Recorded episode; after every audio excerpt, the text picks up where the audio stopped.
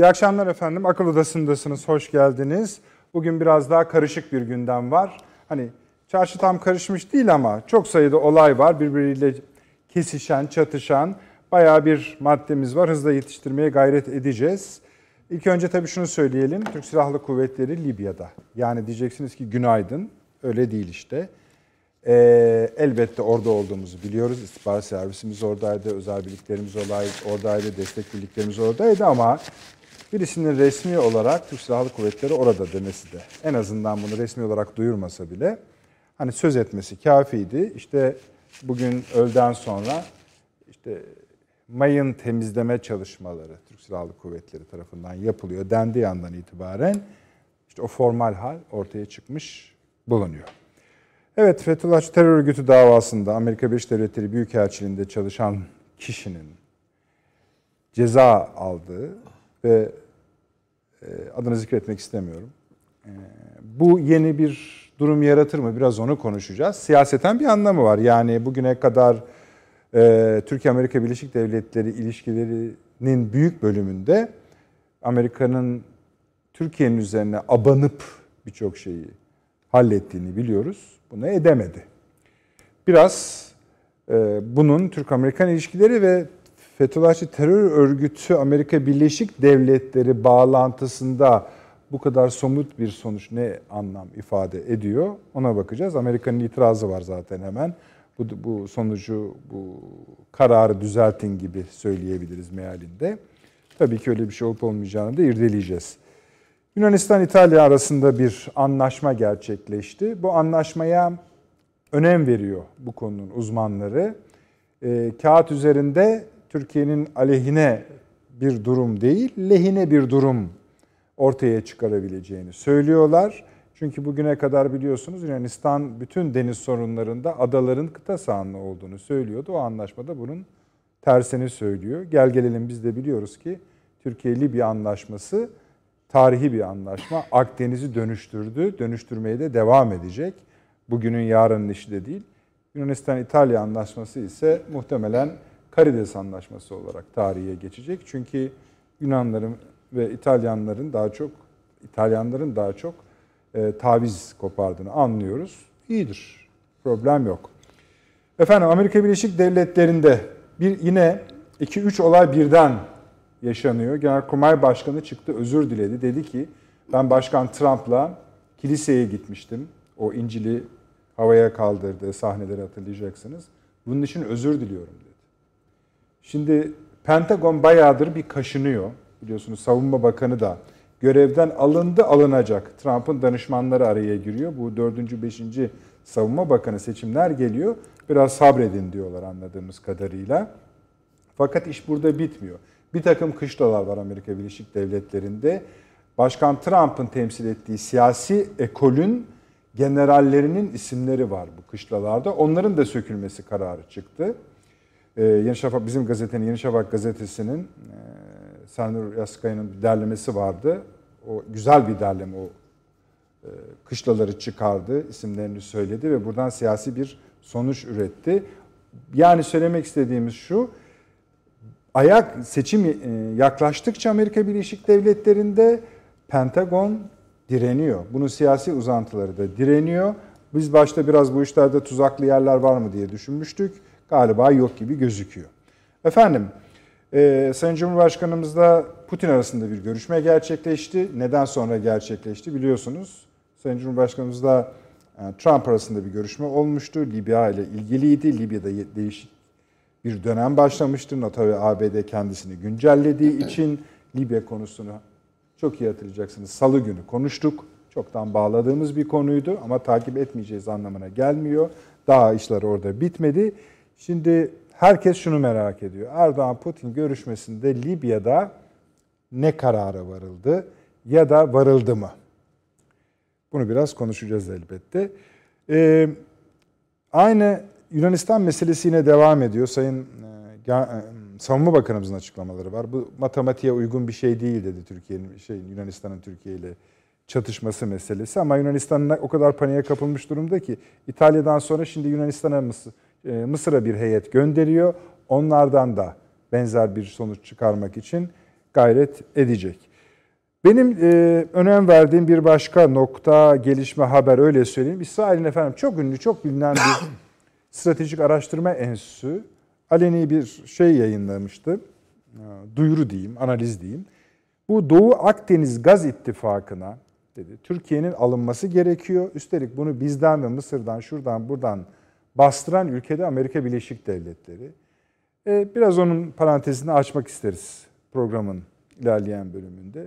Bir iki detay konumuz var.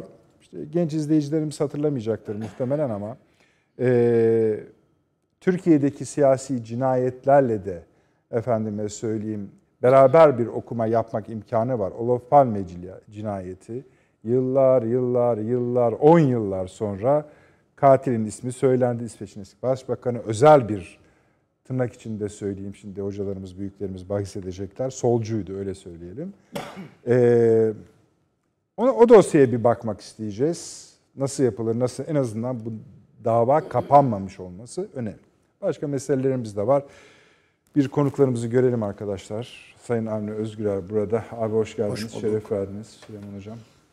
Sağ olun. Hoş geldiniz, şeref hoş verdiniz. Ankara'da Profesör Doktor Taşan Hocam olmak lazımdır. Taşan Hocam bizi duyuyor musunuz? Duy, duyuyorum Nedret İyi akşamlar, hoş geldiniz. İyi misiniz? Hoş bulduk, sağ olun. Sağ olun efendim, teşekkür ediyorum. Selamlar, saygılar herkese. Anne bir şeyden başlayalım mı? Bu evet. FETÖ davasından yani işte Amerika Birleşik Devletleri Büyükelçiliğinin personeli. Amerikan evet. emniyetinin bir bölümünün DEA denilen olduğunu iddia ediyor. Ve FETÖ'cü terör örgütü davasında bir hüküm giydi. FETÖ'cü terör örgütü davasında hüküm giyen çok kişi var. Bunun özelliği ne?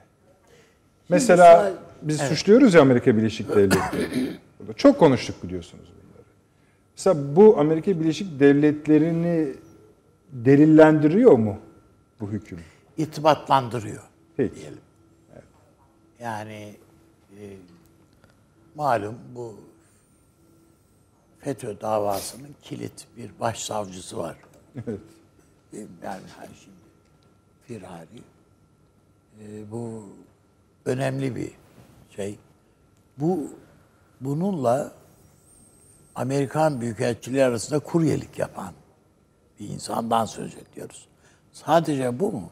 Başkaca irtibatları, başkaca bir takım kişilerle Büyükelçiliğin irtibatını sağlayan bir insandan söz ediyoruz. Ama bence daha önemlisi yani Rahip Son e, şeyinden tutun da Amerikalıların başkaca unsurlarına, adamlarına varana kadar biliyorsunuz Amerika öyle ki Türkiye'nin hani nefes alamıyorum diyeceği kadar tepesine bastı.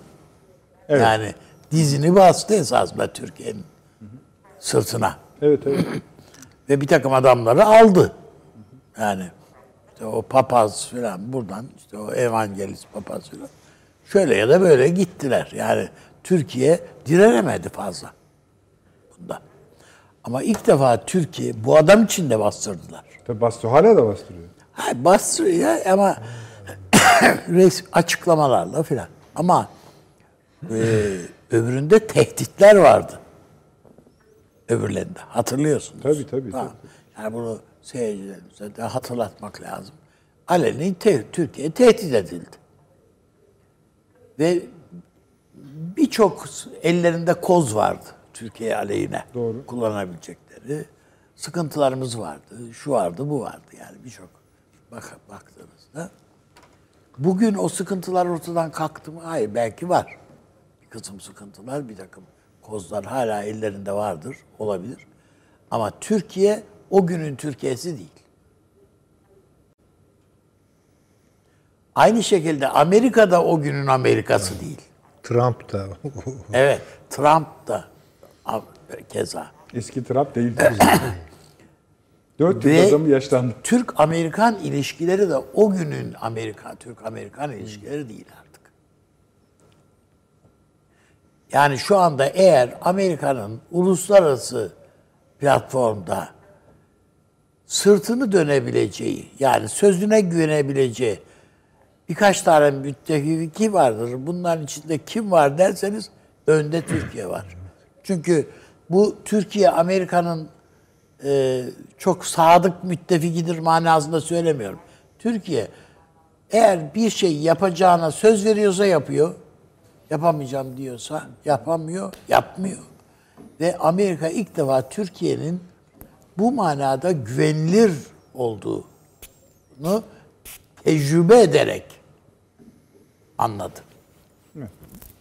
Ben o yüzden bu mahkumiyeti e, gayet doğal bir şey süreç. Yani Amerikalıların beklentileri farklı olsa bile bu noktada çünkü daha öncekinde hatırlayın Türkiye'ye bu kişileri tekrar işte avukatlar akını gelirdi Türkiye'ye basında bir salvo başlardı efendim sivil toplum örgütleri ya bunu göndersek ne olur filan filan AK Parti'nin içinden CHP'nin içinden işte filancanın içinden şu dışından neyse yani mühim baskılar Adalet Bakanları'nın üstüne filan hep geçmişte böyle oldu yani bunlar gelirdi. İlk defa bunda pat diye geldi karar. İşte bir öncesinde bir Amerikan salvosu olmadı yani. Filan. Ha, bu Amerika'nın içine sindi anlamına gelmiyor tabii bu. Çünkü yaptıkları açıklama işte üst mahkemenin derhal bu kararı yani bu kararı e, şeyini te- değiştirmesini bekliyoruz falan gibi açıklamalar. Onun için ben bu kararın Türk-Amerikan ilişkileri açısından da Türkiye'de hukukun gerçekten milli e, egemenliğinizin yani işareti olması bakımından da son derece anlamlı olacağını düşünüyorum. Eğer beraat etseydi hakikaten diğerlerini niye tutuyoruz içeride? Yani sadece onu değil, hakikaten bu işte casusluk davalarında şurada burada tutuklanmış insanlar var yani. Ama gerçek ama değil bilmiyoruz. Soruşturmalar yapılıyor bilmem neler falan. E niye tutuyoruz kardeşim o zaman onları? Demek icap eder. O bakımdan ben bu mahkumiyetin e, sadece bir ceza davası, ceza mahkumiyeti olmaktan öte Türkiye'nin yakın dönemin muhasebesine yöneldiğinde kayda geçirilecek bir dava olduğu kanaatindeyim ve bu e, Türkiye'nin egemenlik hakkını teslim etmesi bakımından da bu kararın çok isabetli, doğru yerinde bir şey çıkış olduğu, olduğunu düşünüyorum. Peki. Ee, şimdi tabii bu rahip olayıyla bunun arasında Bayağı.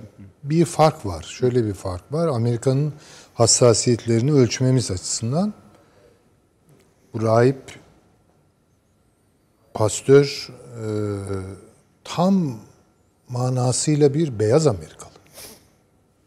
Evet. Bu, bu yani Anglo-Sakson protestan yani WASP sınıfına giren üstelik onun içinde de dini nüfuz açısından çok ön planda bir insan.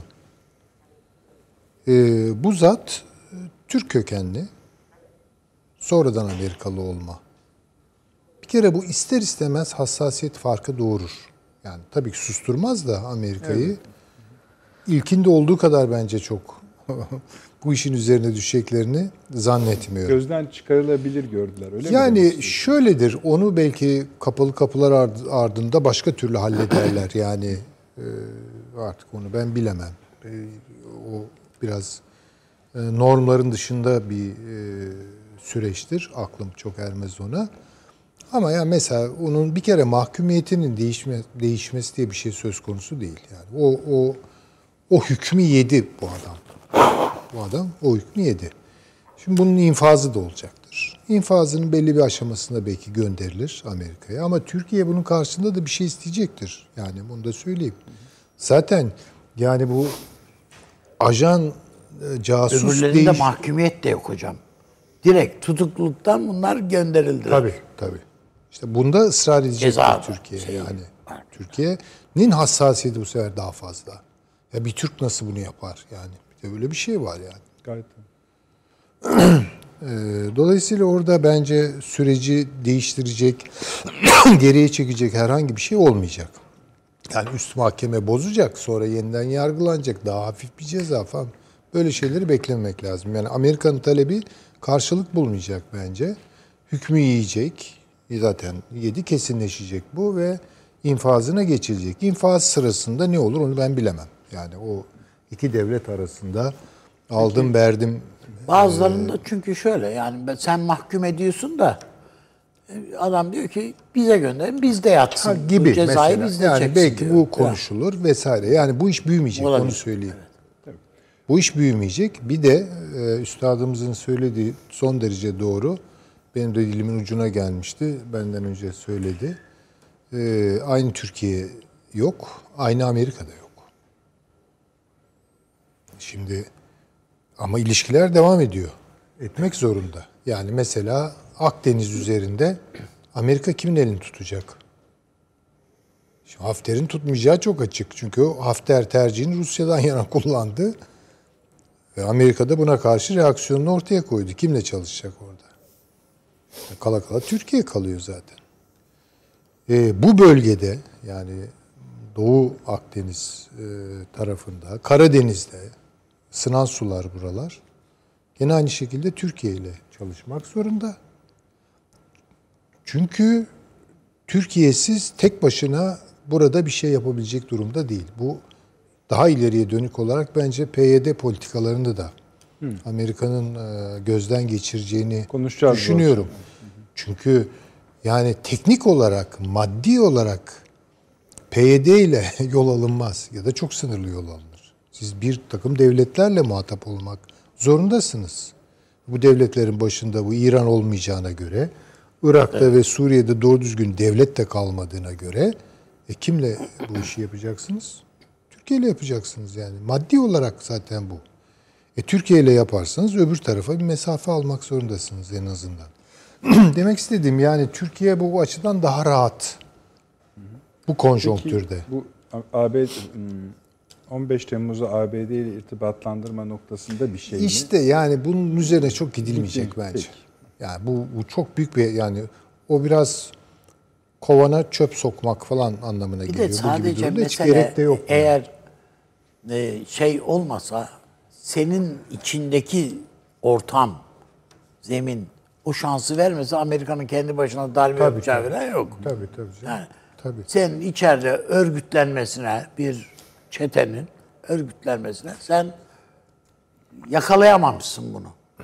Yani herif dev, devleti ele Tabii. geçirmiş. Sonra şöyle bir şey de var yani Amerika o kadar bu konularda rahat ki. Yani şöyle dese ne olur mesela diyelim ki bu bağları biz ispatladık. Evet ben denedim olmadı. Ne olacak? Amerika ne kaybedecek? Ya Amerika'nın sicili çok mu temiz? Hayır şöyle e, Ya da uluslararası hukuku mu çalıştırabileceğiz biz ona? Böyle bir şey yok. pek yani hayır şimdi belki Türkiye kendi dış politika anlayışı, ulusal güvenliği stratejisi açısından bunu aleni bir şekilde halletmez. Ama zaman ve zemin yoklayarak başka türlü halleder. Bir sürü yöntemi var yani. Hayır yani bunu Amerika'ya ikrar ettirmek koşuluyla olacak değil mi her şey? Belki de olmaz. E olmadan zaten biz söylüyoruz yani. Türkiye'nin yapabileceği tek doğru şey koyuyoruz. yani bundan sonra ileriki yıllarda bir üniversite doktora tezi olarak bunu alır bütün delilleriyle ortaya koyar, kitap halinde yayınlarsın. yani gerçeği anlamış olursun, öğrenmiş olursun. Yani o ara Amerika iç savaş yaşıyor olursa, eyaletlere doğru, eyaletlerin parçalanmasına doğru gidiyorsa bu Amerika'ya bir bizden de bir tokat olur. Ama Amerika Belki de şu toparlar. an öyledir. Olmaz mı? öyle? E, Olabilir tabii ki. Yani bir konuşabiliriz. Seattle'da olanları biliyor musunuz? Tabii tabii çok ağır. Seattle'ın bir de sicili var 92'den biliyorsunuz yani. Ee, ama ben bunun Amerika'nın bunu ikrar etmesi üzerinden olur ne olursa ya, ya da birilerini suçlayacak ya bu Amerika'nın siyaseti değildi ama şunlar yaptı diyecek yaparlar bu tip şeyleri. Hadi alın verin şeyi bu örgütü teslim edin Türkiye'ye diyebilir. Yani aksi takdirde siz istediğiniz kadar ispatlayın. Yani bu bağı kurun. Yani Amerika'nın şu İkinci Dünya Savaşı'ndan başlayarak gerisini bırakıyorum. Bu dünyaya verdiği tahribatın herhangi bir yaptırımı oldu mu? Hadi bizleri bırakın. Üçüncü dünyayı falan bırakın. Avrupa'ya yaptıklarının Avrupa hesabını sorabildin mi bunlara? 15 Soramıyorsunuz. Temmuz'dan yani. sonra Güç. Türk devlet kurum, kuruluş, liderlik, bakanlar, başbakan, cumhurbaşkanı sair o dönemde aylar boyunca biliyorsunuz Amerika Birleşik Devletleri'ne alenen bununla rabıtalayan, sorumlu tutan bir süreç yaşadık. Yani burada binlerce açıklamadan bahis edebiliriz resmi açıklamadan. Siz yani dedikleriniz tamam eyvallah baş üstüne. Ama yani unutulmaması gerektiğini düşünüyorum Hayır biz ben. unutmayacağız Hayır, muhakkak. söylemiyorum. Hayır hayır Türkiye de unutmayacak Tabii, bunu. tabii. Bu, bu Amerika'nın kaybıdır. Türkiye'de kredisini düşürecek olan. Çünkü bu Türk şöyle bir şey. Yani hani biz bundan ders çıkardık. Efendime söyleyeyim bizde darbe denemişti Amerika Birleşik Devletleri. Tutturamadı. E biz de bunu not ettik. Hayır öyle değil. Burada bir değişim gerçekleşti. O zaten tabii Yani bir ki, gel- tabii değişim ki. gerçek. Bunun iyi anlaşılması. Tabii onu Amerika da anlıyor. Süleyman Yok. Hocam. Yok o bence unutulmaz. Bakınız ben bir şey söyleyeyim. Çok eyvallah. özür dilerim. Bu milletin en çok değer ver. Birçok değeri hatta kendimize ait değerleri dahi tahrip etmekten e, kaçınmadığımız durumlar var. Söyleyeyim. Bu açıdan kendi kendimizle de yüzleşmeliyiz, sorgulamalıyız. Yani Mimar Sinan'ın yaptığı camileri, çeşmeleri sağ bir iktidarın yani tabii yeni andık onları e, hepsine Allah rahmet eylesin ama Menderes döneminde çatır çatır yıktık. Üzerinden grayderler geçti. Tabii bu Sonra Vatan da Caddesi diye. ha, sonra da mil- milli değerlerimiz, manevi değerlerimiz. Böyle palavra olmaz yani. Şimdi böyle bu tarafımız var bizim. Bir yıkıcı. Her toplumun vardır böyle yıkıcı bir tarafı. Ama bu toplumu gerçekten değersel anlamda hani onanmaz derecede e, zarar vermek istiyorsanız askerinin başına çuval giydirirsiniz. Ve Amerika bu tarihi hatayı yaptı. Bakın bunu Türk milleti unutmaz. Çuvalı Çünkü unutmadı. en yüksek taşı. değer yani şimdi yani ortalamaları alıyorsunuz. İşte sen bu biz bunu söylediğimiz vakit Amerikalı da diyor ki sen de biz de 1 Mart'ı Tamam ama bu onur kırıcı bir şey değildi ki Gibi, onlar açısından yani. Bizim açımızdan şöyle, onur kırıcı. bir Bakın de- hani ilişkilerde zarar verirsiniz Hayır, e, vesaire. Anladım. istiskal edici bir şey. Şöyle hani Türkiye- Bu- bu ama olmaz yani. son tahlilde şöyle bir durum var. Mesela 1 Mart'ta şöyle de diyebilirsiniz. İşte orada getirdiler askerlerini yat- değil mi? Yere yatırma vesaire bilmem ne falan. Onu mu söylüyorsunuz? Hayır. Yok yok. Tezkerenin Biz- reddi- Verilen sözleri tutulmadı falan Anladım hikayesi. anladım. Nihai tahlilde yani bir son cümle şudur o tartışmada. Sen ne yapıyorsun kardeşim burada? Ha, tabii Tamam, o son- ayrı son bir şey. cümle bu, çek. Hayır bundan Amerikalılar alınmış da olabilirler. Bakın. Alın. En fazla olabilir. Hayır alınmış olabilirler.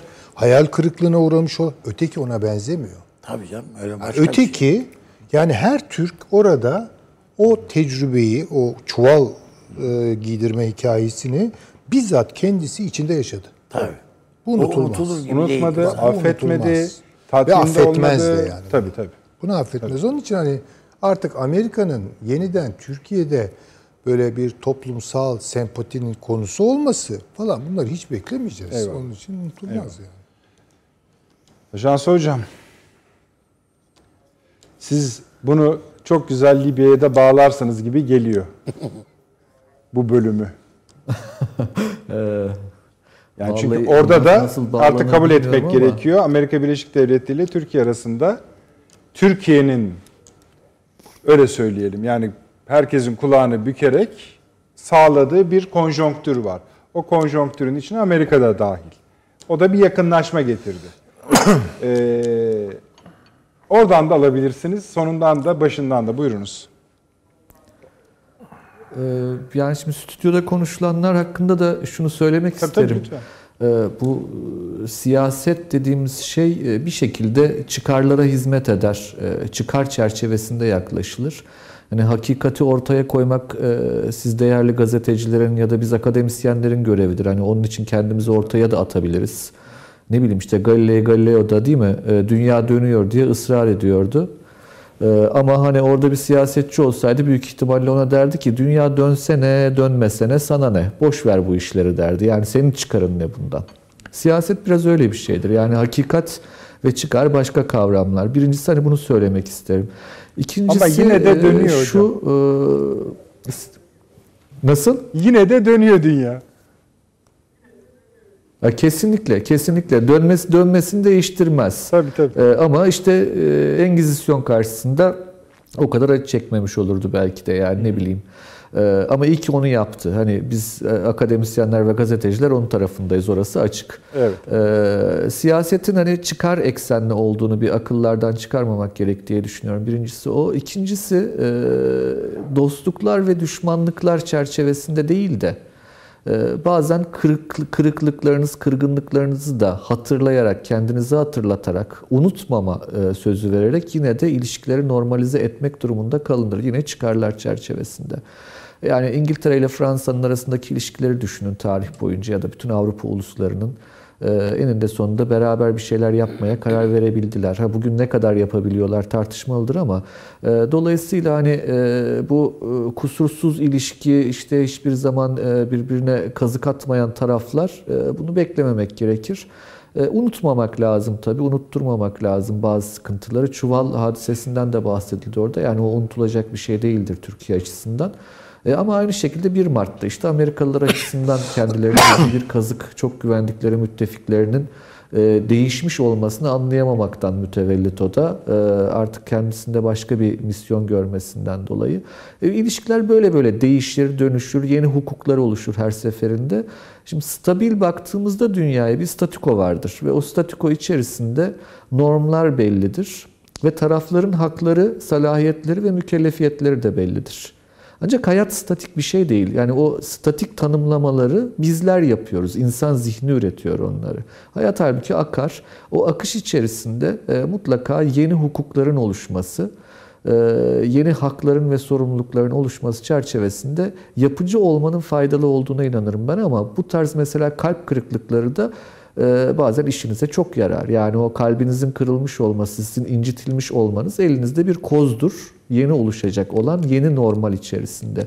Hani dünyada böyle bir dönemden geçiyor aslında. Yani bir yeni normal arayışı var tüm dünyada. Hani Libya'ya bağlamak gerekirse buradan.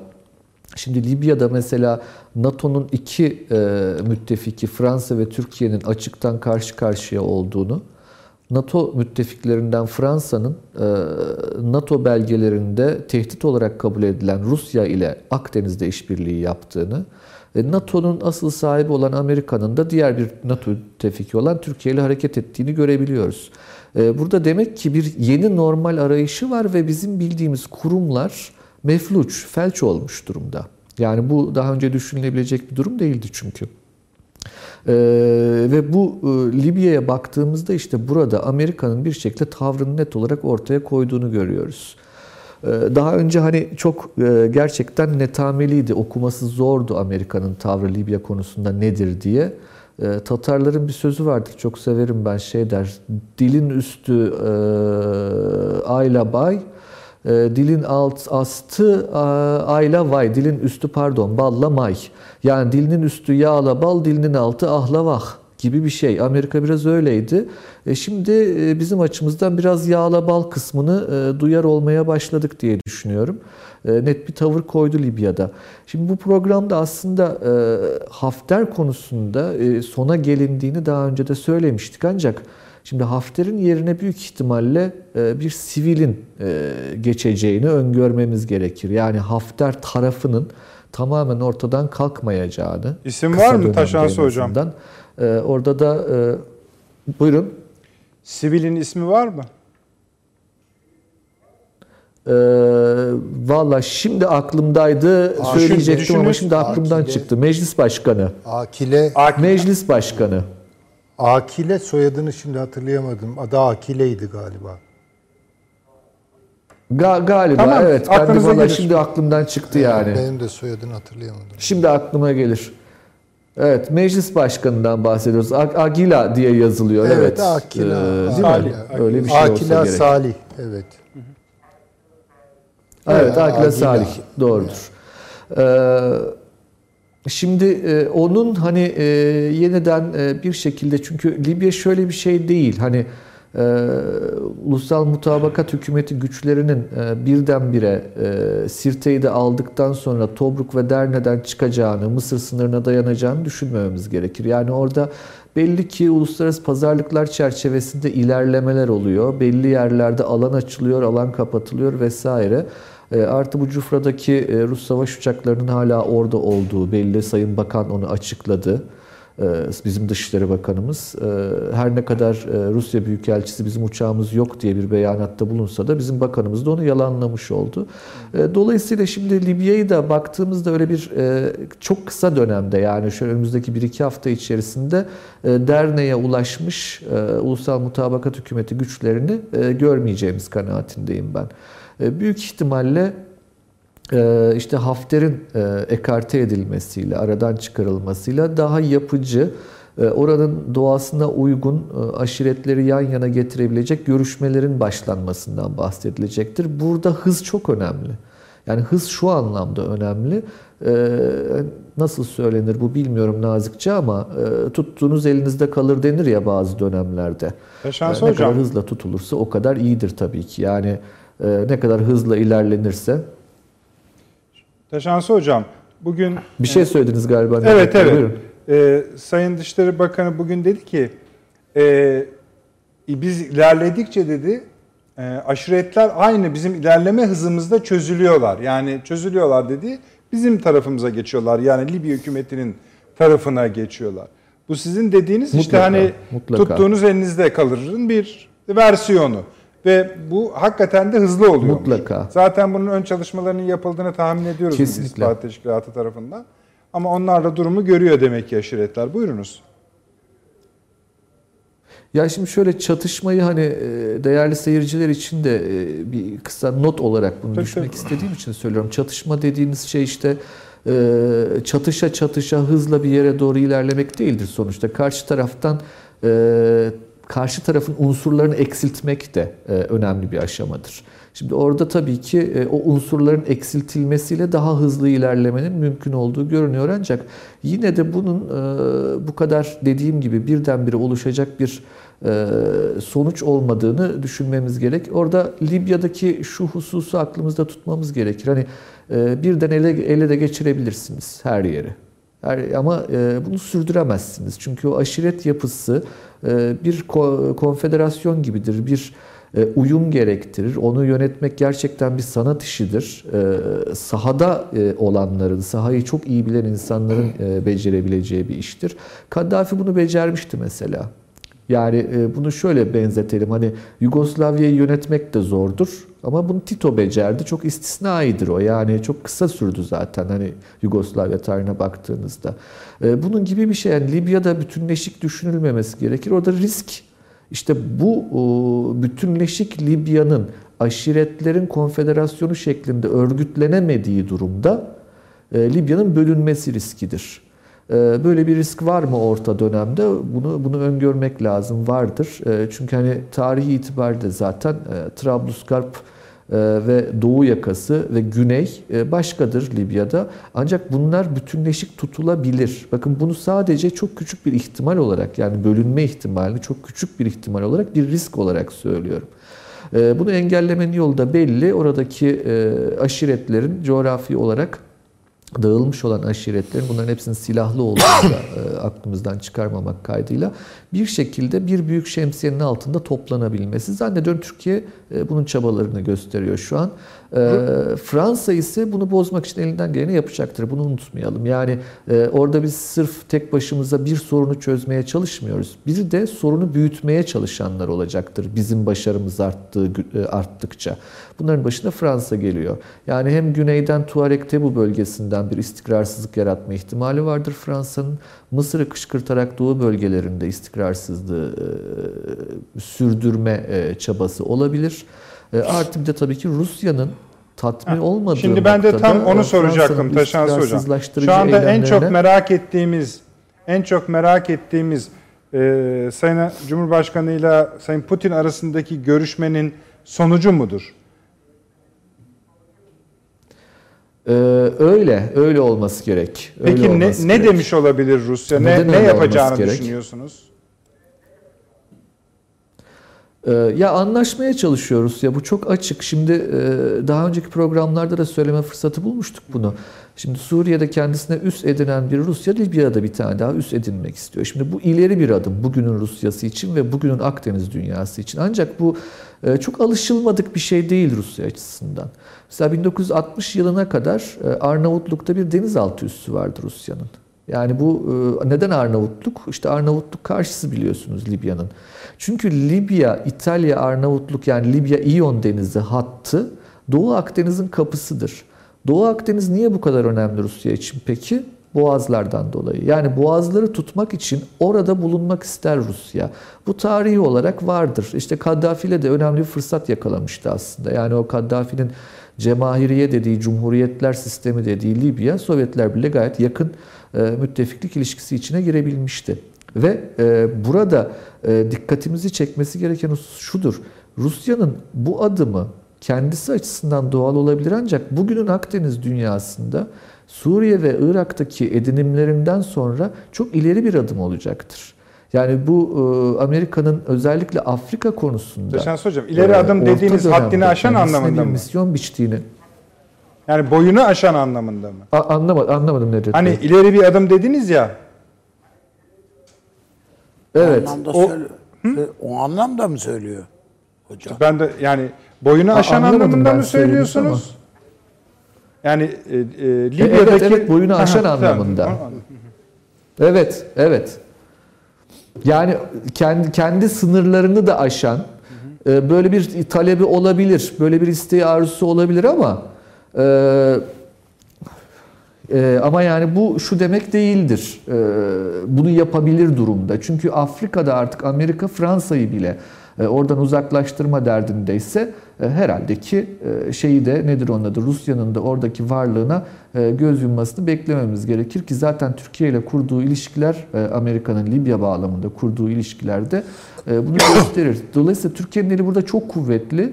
Daha önce de söyleme fırsatı bulduk bunu. Bundan sonraki iş oradaki iç huzuru sağlamak bir. İkincisi bu iç huzuru sağlayabilmek adına e, destabilize etme kapasitesi olan güçleri ve ortamları engellemek etrafta. Birincisi dış olan unsurlar yani Rusya ve Fransa'yı engellemek. İkincisi ise komşu ülkeler yani Tunus, Cezayir, Çat ve Mısır. Buradaki e, Libya'yı destabilize edebilecek e, siyasal gelişmelere de Türkiye'nin gözünü açık tutması gerekir. Mesela Tunus e, çok dikkatli izlenmesi gerekiyor çünkü e, bu demokratikleşme konusunda ciddi sıkıntıları var. Yeni yeni gelişmeler de oluyor Tunus'ta şimdi. E, buradaki sıkıntılara dikkat etmekte fayda var diye düşünüyorum. Peki. Taşansı Hocam bir daha şunu sorayım. Yani ben zorladığımın farkındayım da e, bu görüşmeyi Söyleyin deşifre Bey. edebilir miyiz? Hangi görüşmeyi? Sayın Cumhurbaşkanı ile Putin arasındaki görüşmede sonucun ne olacağını kestirebiliriz. Aa, Kestiremeyiz tabii ki. Çünkü orada bir pazarlık var. Hani kestirebilecek Hayallerini olsak da emin olun bunları konuşmamamız Açıklama da gerekir yok. zaten. Yok hayır açıklama yok. İşte onun için zaten Hayır bunları da konuşmamamız gerekir çünkü bunlar şeydir hani pazarlık yürütülüyor orada şimdi. yok canım konuşuruz. Gazeteciler konuşur öyle bir şey yok. Konuşuruz da biliyor muyuz yani? Hani biz Peki. bir elimizde bir bilgi, ben özel bil- gizli ben bir şey bilmiyorum yok ki. azından. Biz hani hali hazırdaki duruma göre kurgu yapıyoruz. Bunu yaparken de yine hali hazırdaki birikimimizi, okumalarımızı, yazmalarımızı, dünyanın bu konu hakkında yazıp çizdiklerini, sizin mesela çok iyi bildiğiniz Putin ve Kremlin'in davranış e, algoritmalarını kullanıyoruz. Türkiye'nin algoritmalarını kullanıyoruz. Keşke bunların yani daha çok elimizde veri olsa 3 satırlık bir içeriğe ilişkin açıklama olsa mesela bambaşka konuşmalar yapabiliriz. Merakımız o. Çünkü Rusya Ben, ya da bence Fransa yakında yakında anlaşılacaktır. Tamam peki. Ee, tamam herhalde değil mi Taşansı Hocam bu tur?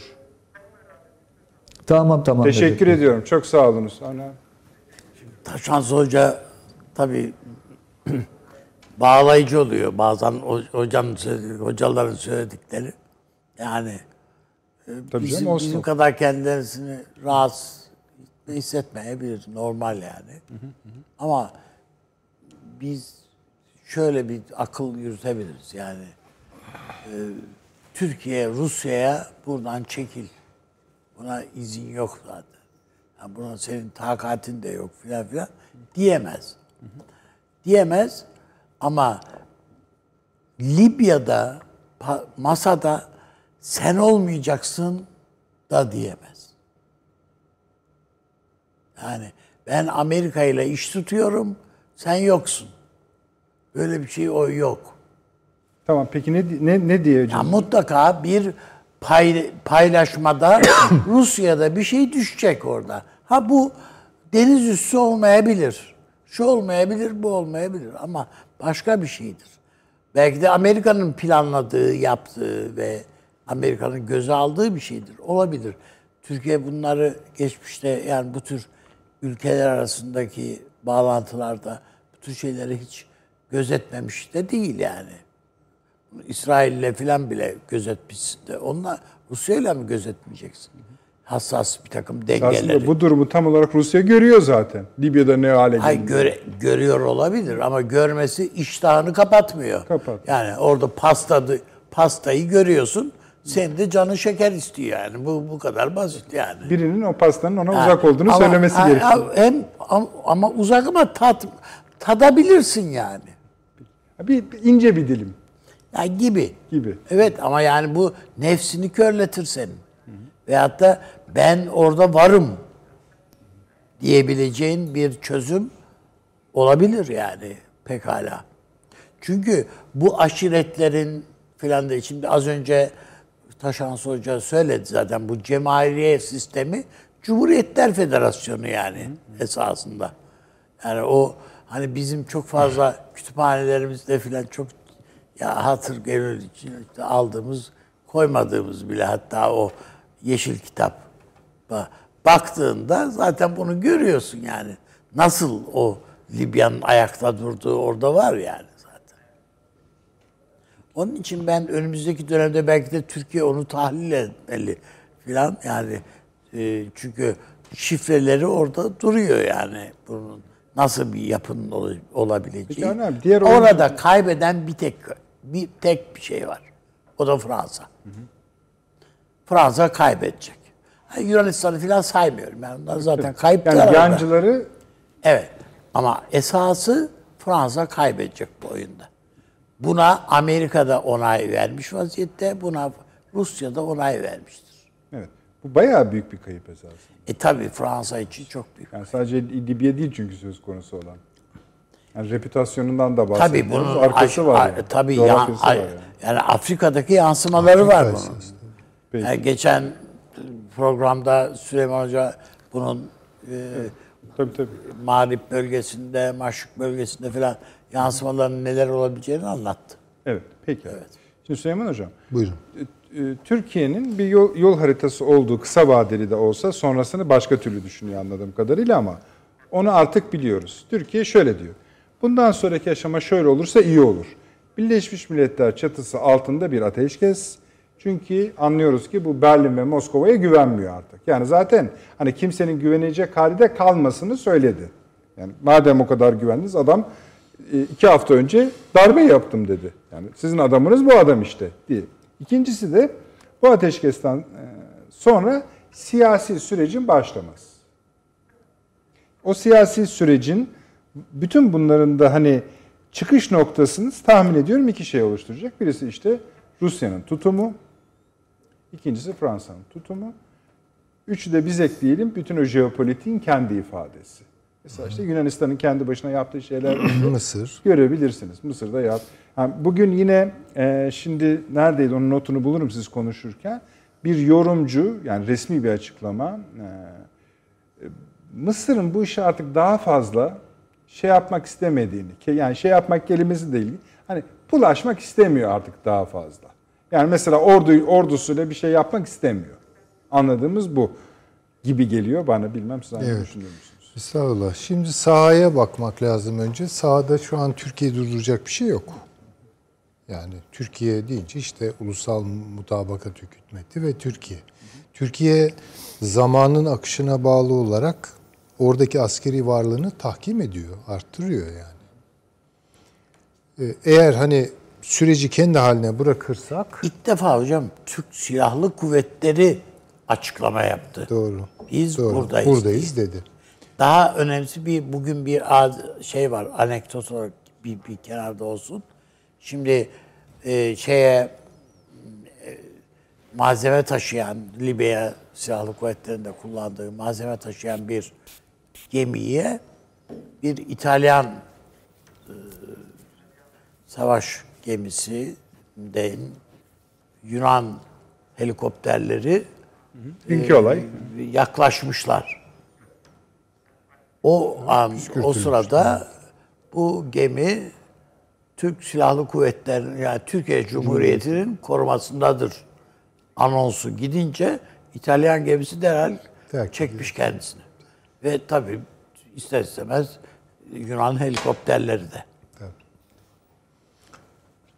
Yani bir şey göze alacak durumda değil. Sizi Yani. teyiden söylüyorum. Tabii tabii yani sahada bir engel gözükmüyor. Üç vakte kadar düşer oralar ve Mısır sınırına varılır. Ama bu böyle işlemeyecek. Gözüken bu. Çünkü Libya'nın kalbi diyebileceğimiz o petrol bölgesinde düğümleniyor iş. Ya Libya ne demek? Libya çöl yani sonuçta ama işte muazzam bir petrol yatağı ve bunun da ağırlık yüzde sekseni galiba benim e, gördüğüm kadarıyla kaynaklarda bu Cufra ve civarında. Evet. Şimdi dolayısıyla Türkiye'nin aslında gidebileceği yerin de yani rahat rahat en hiçbir engele uğramadan gidebileceği yerin de sınırlarını çizmiş oluyor bu. Şimdi burada Türkiye bir karar verecek. Yani harekatı Cufra'yı düşürmeye dönük mü tutacağız? Yoksa mesela onu muhasara altına alıp orada mı duracağız? Esas bence şu an tartışılan, düşünülen o. Yani aslında pazarlığı söylüyor. Pazarlıkları Tabii pazarla. Yani şimdi hangisi daha iyidir onu ben bilemeyeceğim. Yani Cufra'ya girersiniz masaya otururken elinizde bir de orası olur yani. Ama Türkiye'yi bu kadar güçlü o masaya oturtmak isterler. Evet. Tüm mesele bu. Yani bunu bunu istemeyeceklerdir. Bir de geçmiş bir tecrübemiz var hocam. Kıbrıs tabii, tecrübemiz tabii, var. tabii. Yani, Yani bunu Amerika bile- halde gitmedik. Evet. Bugün onun sıkıntısını Sıkıntısını sıkıntılarını yaşıyoruz. Belki şu an gitmemek daha iyidir, belki gitmek daha Belki de iyidir. gitmek daha Bilmiyorum yani. Ama şöyle akıl yürütüyorum orada. Türkiye'nin elinde böyle sağlam bir kart. Mesela o petrol bölgesini kontrol altına almış bir Türkiye. E o masada bayağı bayağı bir yer ayırırlar adamı. e, yani o öyle olur. Onu yapmak isterler mi bilmiyorum. Eğer bu hayata geçerse bu büyük ölçüde bence Amerika'nın desteğiyle olur. Yani Amerika sen hele oraya bir Sadece gir. Amerika'nın desteğiyle hatta. Sadece tabii. Başka zaten bir şey yok. Yani Rusya buna hayır diyecek. Fransa hayır diyecek ama Amerika evet dediği an orada başka Bitiyor, şey olur. bağlanıyor. Yani. Tabii ki o Fransa'ya e, ve şeye Rusya'ya çok dizginleyici bir hareket olur. Aslında bu oyun hocam sizin de geçen programda falan da söylediniz. E, Afrika siyaseti tabii düşünün tabii tabii. tabii. Amerika'nın da elini güçlendirecek bir Muhakkak şey ama değil mi Amer- yani? yani, Tablo değil. Amerika tabii tabii yani belki de dediğimiz gibi bu işleyecektir. Yani Amerika bu işe işi Türkiye'ye yap diyecektir. Ya bunu bilmiyoruz tabii. Yani görmezden gelmesi bile yeter. Yani Tabii, müdahale tabii. etmedikten sonra yeter. yani Evet, evet. o. Ve bunu ne Rusya durdurabilir? Açık konuşalım. Ne Fransa durdurabilir. Zaten şöyle bir durgunluk da gözlemleniyor. Bu e, şer cephesi denilen. İşte tekrar sahip zaman kaybetmek istemiyorum ama söyleyelim. Mısır'da, Suudi Arabistan, Birleşik Arap Emirlikleri, Fransa, İsrail, her neyse Rusya. Ama onlar nasıl şu anda beraberler şu anda? Ha, onu o da söylüyorum. meçhul yani. Tabii tabii. Yani orada da bir donma hali, paralize olma hali varmış gibi. Tam- Kümelenmeler bunlar ittifaklar değil. Kümelenmeler yani bu gelir geçer yani bambaşka bir yere de savrulur. belli bir kümenin içinde gözüken bir Şer unsur. bile olsa ittifak demeyin diyor. E işte ne oldu küre koalisyonu canım? Tabii, Bizim tabii, tabii. Soçi moçi ne oldu yani? Hiç- İşte küre koalisyonu bunun 10 katı güçteydi yani görüntüde. Ve dikkat e, e, çekmek isterim. O günlerde hep kümelenme tabirini de ısrarla kullanıyorduk. Eyvallah, ya eyvallah, ittifak değil aman Soçi bir ittifak değil yani. Evet. Bu bir kümelenme, bir paralel durum ama bunun kurumsallaşması filan apayrı bir şey. Ee, dolayısıyla şimdi mesele ne esas olarak? Mesele bu petrolün paylaşımı. Şimdi bu petrolün paylaşımı meselesi söz konusu olduğu zaman Rusya'nın söyleyeceği bir şeyler var. İsteyeceği bir şeyler de var. Ne kadar eli her gün biraz daha düşse de Fransa'nın da belki isteyeceği ya birazını da bize verin gibisinden ya bu kadar da böyle benim üstümü çizmeyin. Ya bunlar pazarlık meseleleri. Burada Türkiye Petrolleri Anonim Şirketi'nin de söyleyeceği Tabii, tabii, bir şey tabii. var. Ortaklığının söyleyeceği şeyler var. Yani burada bir paylaşım olacak. Zaten şu taraf var hocam. Yani çıkarın top yeryüzüne çıkarılmasının bir dolara mal olduğu bir petrol Tabii, kaynağından tabii. Çok- söz ediyoruz. çok yani- yani düştüğü kadar düşse Çok kaliteli dünyadaki bir, evet e, yani o petrol petrol olduğu fiyatı muhakkak. senin her durumda kârdasın. Burada İtalya'nın da talepleri olacak. Özellikle bu petrolün Avrupa'ya ulaştırılması hususunda orada da tekel olmak istiyor İtalya anlayabildiğimiz kadarıyla. Yani Fransa'nın durumu gerçekten en kötü. Ha, Mısır'a gelince Mısır da bunu durduramaz. Dediğiniz gibi bir kere kapasitesi bu işe yetmez. Ama o da şunu söyleyecektir. Ya bu Türkiye'nin e, başlattığı dalga benim sınırlarıma vurmasın. Burada iyi kötü bir blokaj olsun. Evet ben ben de bu bir evet. Blokaj. Bursa, Ve bu blokaj- durmayacak. Ve, ve- ve durdu. bu blokaj oradaki bir takım sivil siyasi unsurların marifetiyle Hafter'i gözden çıkaracaklarsa bence bunun için çıkaracaklar. Bu şey lafları çok dolaşmaya başladı. Tabii tabii. Kaçtı gitti. O desin. belki de öyle. Oradaki işte sivil siyasal oluşumlar, aşiretler vesaire bunları da bu işin içine katma ve orada bence ulusal mut- mutabakat hükümetinin çok fazla e, hükmünün de geçmeyeceği yeni bir artık bu ne diyelim bölünmüşlük mü olur? Kuvvetli bir muhtariyet mi olur oraya verilmiş? Ama Mısır o bloğu bence talep edecektir. Ve kendi açısından da haksız sayılmaz. Yani bunu söyleyebiliriz. Şöyle bir şey de var hocam. yani bu Ayasofya tartışmasını biliyorsunuz. Mısır'da El Eser gibi bir yapının şeyinde, bünyesinde 1453'ten beridir İşgal işgal altında.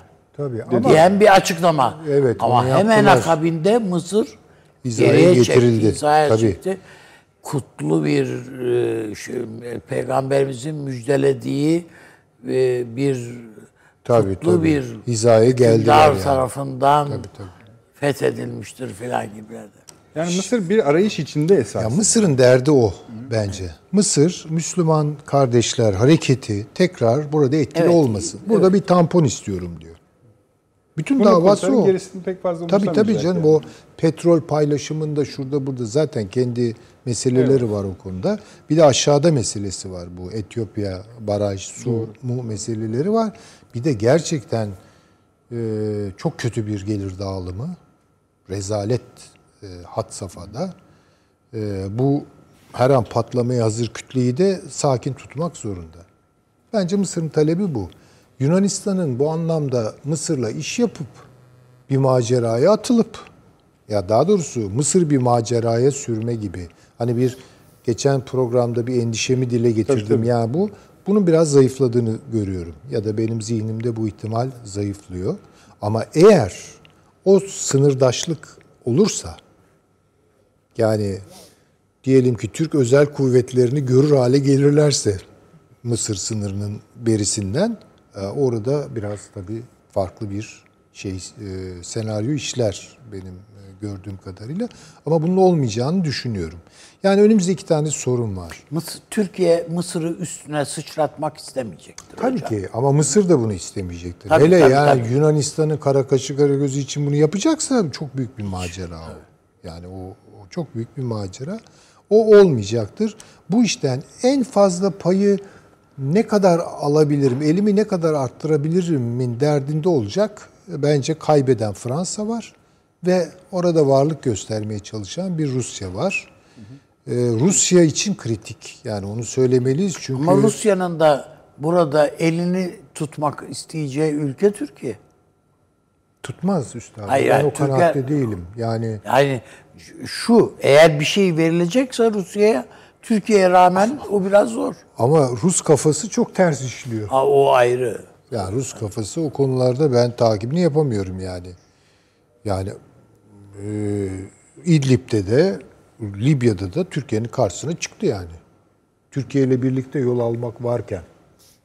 Yani hazır Türkiye-Amerika ilişkileri bu kadar zayıflamışken bu ne akla hizmettir yani? Hocam, bu Ruslar- anlaşılmaz bir şey. Ruslar böyle İdlib'de resmen şey gibi- savaştık yani. Tabii canım yani- düşük yoğunluklu Türk-Rus savaşı Suriye'nin olduğu gibi kucağına düşeceği gibi bir hayale de kapılmış. İşte böyle Bilmiyorum yani. şeyler bir var. anda Yani belki Bu kadar hayal görmüş olabilir mi yani? Yani Olabilir ya. Rus siyasal kültürünün, Doğru.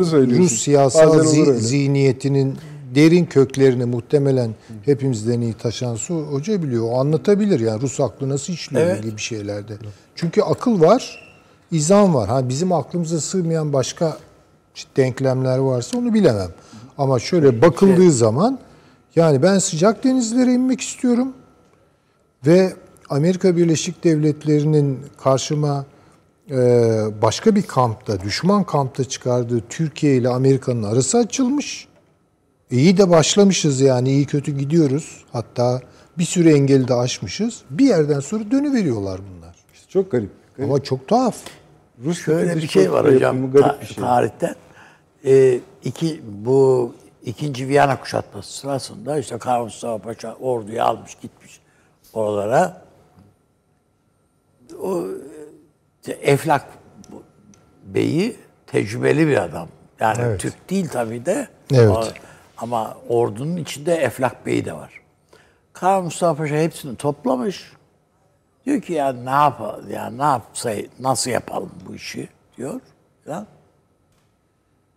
Bu Eflak boy, beyi boy, boy odası yani. Ee, Karl Mustafa Paşa diyor ki paşa diyor bunlar yer sofra ve Osmanlı'da ben bu kadar rahat etrafla bir istişarenin e, olabileceğini çok düşünmezdim bunu şey yapana kadar. Yani bas ben sen hata ediyorsun falan şeylerini bu kadar ba- yani Karar şey, alma süreçleri, ba- şeylerde de İranlılarda yani da var. başkumandana Evet, söylüyorsun yani bunları. Söylüyorlar. falan. Evet, evet. Paşa diyor, e, Allah muvaffak etsin. Onun çeyrekli ordu dileriz ama şurada diyor şu leğenin ortada bir pilav geldiğini varsayalım diyor. Buna diyor kenarından mı başlarsın, ortasından mı başlarsın yemeğe diyor. İşte beç o bunun ortasıdır diyor. Kenarından başlasaydık iyi olurdu. İyi olurdu diyor. Doğru. Şimdi savaş şeyi böyle bir şey yani. Tabii. Ruslar bazen böyle kaşığı ortaya daldırıyor. Daldırıyor yani bu çünkü anlaşılmaz bir şey. Peki. Taşansı Hocam buraya kadar bir şeyler eklemek ister misiniz? Ya e, e, evet ben müsaadenizle Tabii, tabii, tabii, kulaklığımı çıkarıp birkaç şey cümle söyleyeceğim. Lütfen, lütfen. Ee, Şimdi e, şöyle Libya'ya dair e, Rusya'nın pozisyonu ve Fransa'nın pozisyonuna iyi bakmak lazım dedim ya biraz önce. Yani Rusya'nın şimdi orada belli iddiaları var. E, Onların başta geleni e, Arkadaşlar içeri biraz 400 ses milyar verin. dolarlık bir kayıp yaşadıklarını söylüyorlar. Bu RJ'de Rusya Devlet Demiryolları'nın büyük bir ihalesi vardı. E, Kaddafi ile anlaşmaları vardı. E, Bir onu kaybettiklerini söylüyorlar ve Libya konusunda Putin kendini hiç affetmediğini söyledi e, bir mülakatta. E, Ve bu hataları Suriye'de tekrar etmeyeceğiz dedi. Yani e, Libya'ya dair böyle bir algıları var. Yani bir para kaybettik, iki e, Fransa'nın orada e, yarattığı kaosta biz ses çıkarmadık. Ee, ve hata yaptık. Yani bizim oraya müdahil olmamız gerekirdi diye bir açıklaması var Putin'in. Şimdi bunu da e, şöyle değerlendirmek gerekiyor. Bu stratejik süreklilikler var. Bunlar kaçınılmaz, değişmez.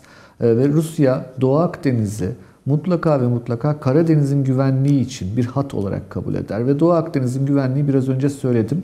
E, Libya İyon Denizi hattından geçer. Burada var olmak ister. Bu stratejik gereklilik. İkincisi orada ciddi bir paradan bahsediyoruz. Yani ihaleler, petrol vesaire. İkincisi budur. Üçüncüsü Afrika göçünü kontrol eden bir yerden bahsediyoruz. Yani bütün Afrikalıların Avrupa'ya ulaştığı yer Libya.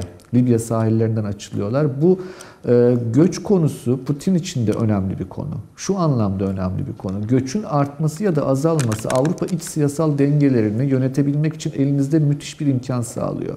Ve Putin gibi bir adam e, iyi bir siyasetçi ve iç politikalara oynamayı seven bir e, siyasetçiden bahsediyoruz. Bu kartı da kaybetmek istemeyecektir. Yani Avrupa'daki aşırı sağın ve aşırı solun yükselişine baktığınızda mesela e, Rusya'nın ne kadar güzel bu işleri idare edebildiğini görebiliriz son 10 yıl içerisinde.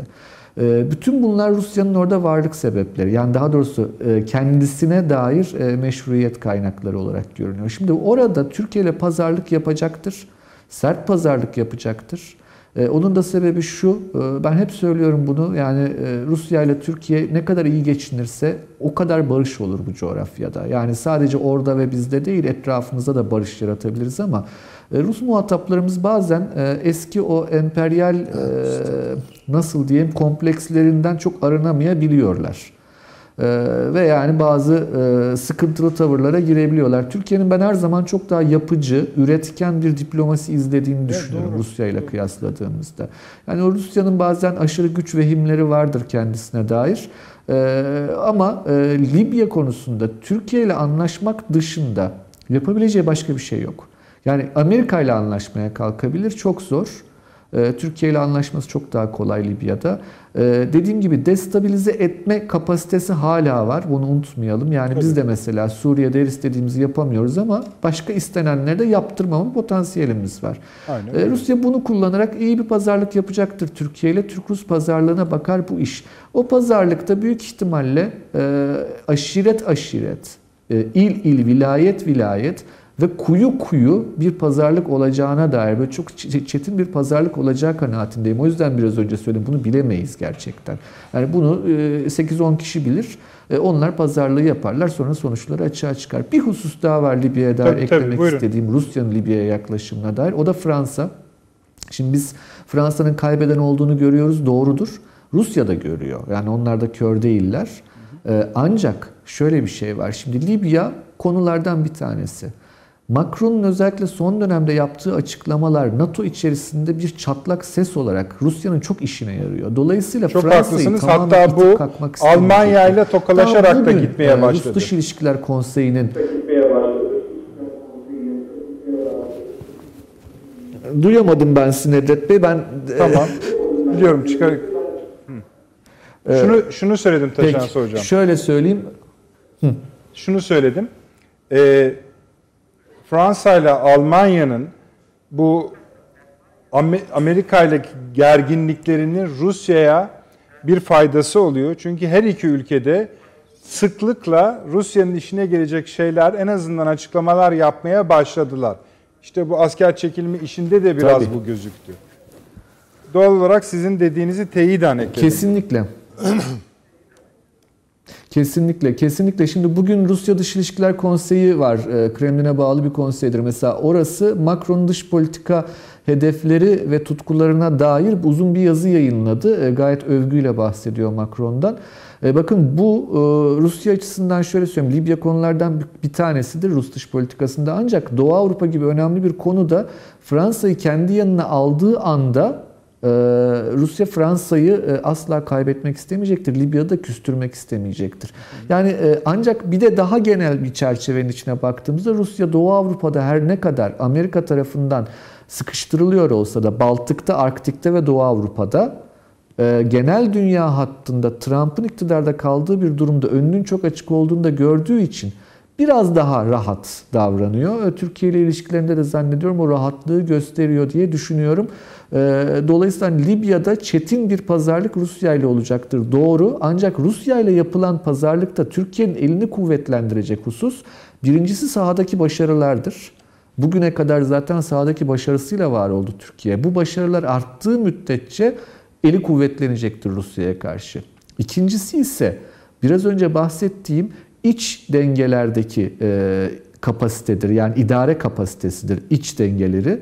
Üçüncüsü ise çevre ülkelerle kurulacak olan ilişkilerdir. Bakın üç aşamada, üç katmanda Türkiye'nin elini çok kuvvetlendirecek. Bunu hem Rusya'ya karşı hem Amerika'ya karşı düşünebilirsiniz. E, Bir e, imkanlar silsilesinden bahsediyorum. Ve bunları bahsederken lütfen şunu aklımızdan çıkarmayalım. Bizde şöyle bir şey oluyor mesela. Ee, ya o kadar da şey değil gibi bir konuşmaya geç veriyoruz. Ya o kadar da kaygılanmayalım. Hayır bunlar kaygı değil. Bakın Türk tarihine baktığınızda bugün Libya'da geldiğimiz durumun ne kadar istisnai, ne kadar büyük Tabii. bir başarı olduğunu lütfen hatırlayalım. Hemen unutmayalım yani. Bu çok ciddi bir başarıdan Çok bahsediyoruz. Ve bu çok ciddi olan, çok farklı, beklenmedik başarının daha da e, büyüyebilmesi için imkanlar olduğunu görmemiz gerekiyor. E tabii ki o, o çerçevede riskleri de hesaplamamız gerekiyor. E, şöyle söyleyeyim, şundan 10 sene evvel birisi çıksa, bugünü Libya'da Türkiye'nin bugünkü varlığından bahsetse, yani büyük ihtimalle her birimiz e, fantazi derdik bunlara. Yani olacak iş değil diye düşünürdük. Bu kadar büyük bir başarıdan, hayalin zor kurulacağı bir başarıdan bahsediyoruz. Sahip çıkıp birazcık da kendimizi hatırlatmamız lazım. E, Övünmeyi hak ediyoruz. E, Daha iyisini de daha fazla hak ediyoruz diye düşünüyorum. Eyvallah. Ben Taşan Hoca'ya bir şey sorayım. Tabii tabii tabii. buyurun. Şimdi evet bu Libya'da çetin bir pazarlık sürecek Rusya ile aramızda. Hoca onu anlattı zaten. Peki bu pazarlıkta Suriye'yi de devreye alacak mı Rusya ve Türkiye? Veya almayacak mı? Yani Alacaktır. Öyle diyoruz ama, tabii benim Putin, cevabım e, Taşansı Putin, Bey'in. Alacak tabii. Putin e, Erdoğan görüşmesinde bence benim tahminim e, yani tartışılan, konuşulan konuların dörtte üçü İdlib'ti. Ben öyle görüyorum. İşte bakın Yani içeri dörtte, çıkmaya başladı. dörtte bir, ya benim tahminim o. Tabii tabii. Yani Gayet de. bence Libya'da çok genel e, bir takım şeyler söylenmiş olabilir. Yarısı da iyi niyet e, ifadeleridir ama esas bence korakor ısınmakta olan İdlib.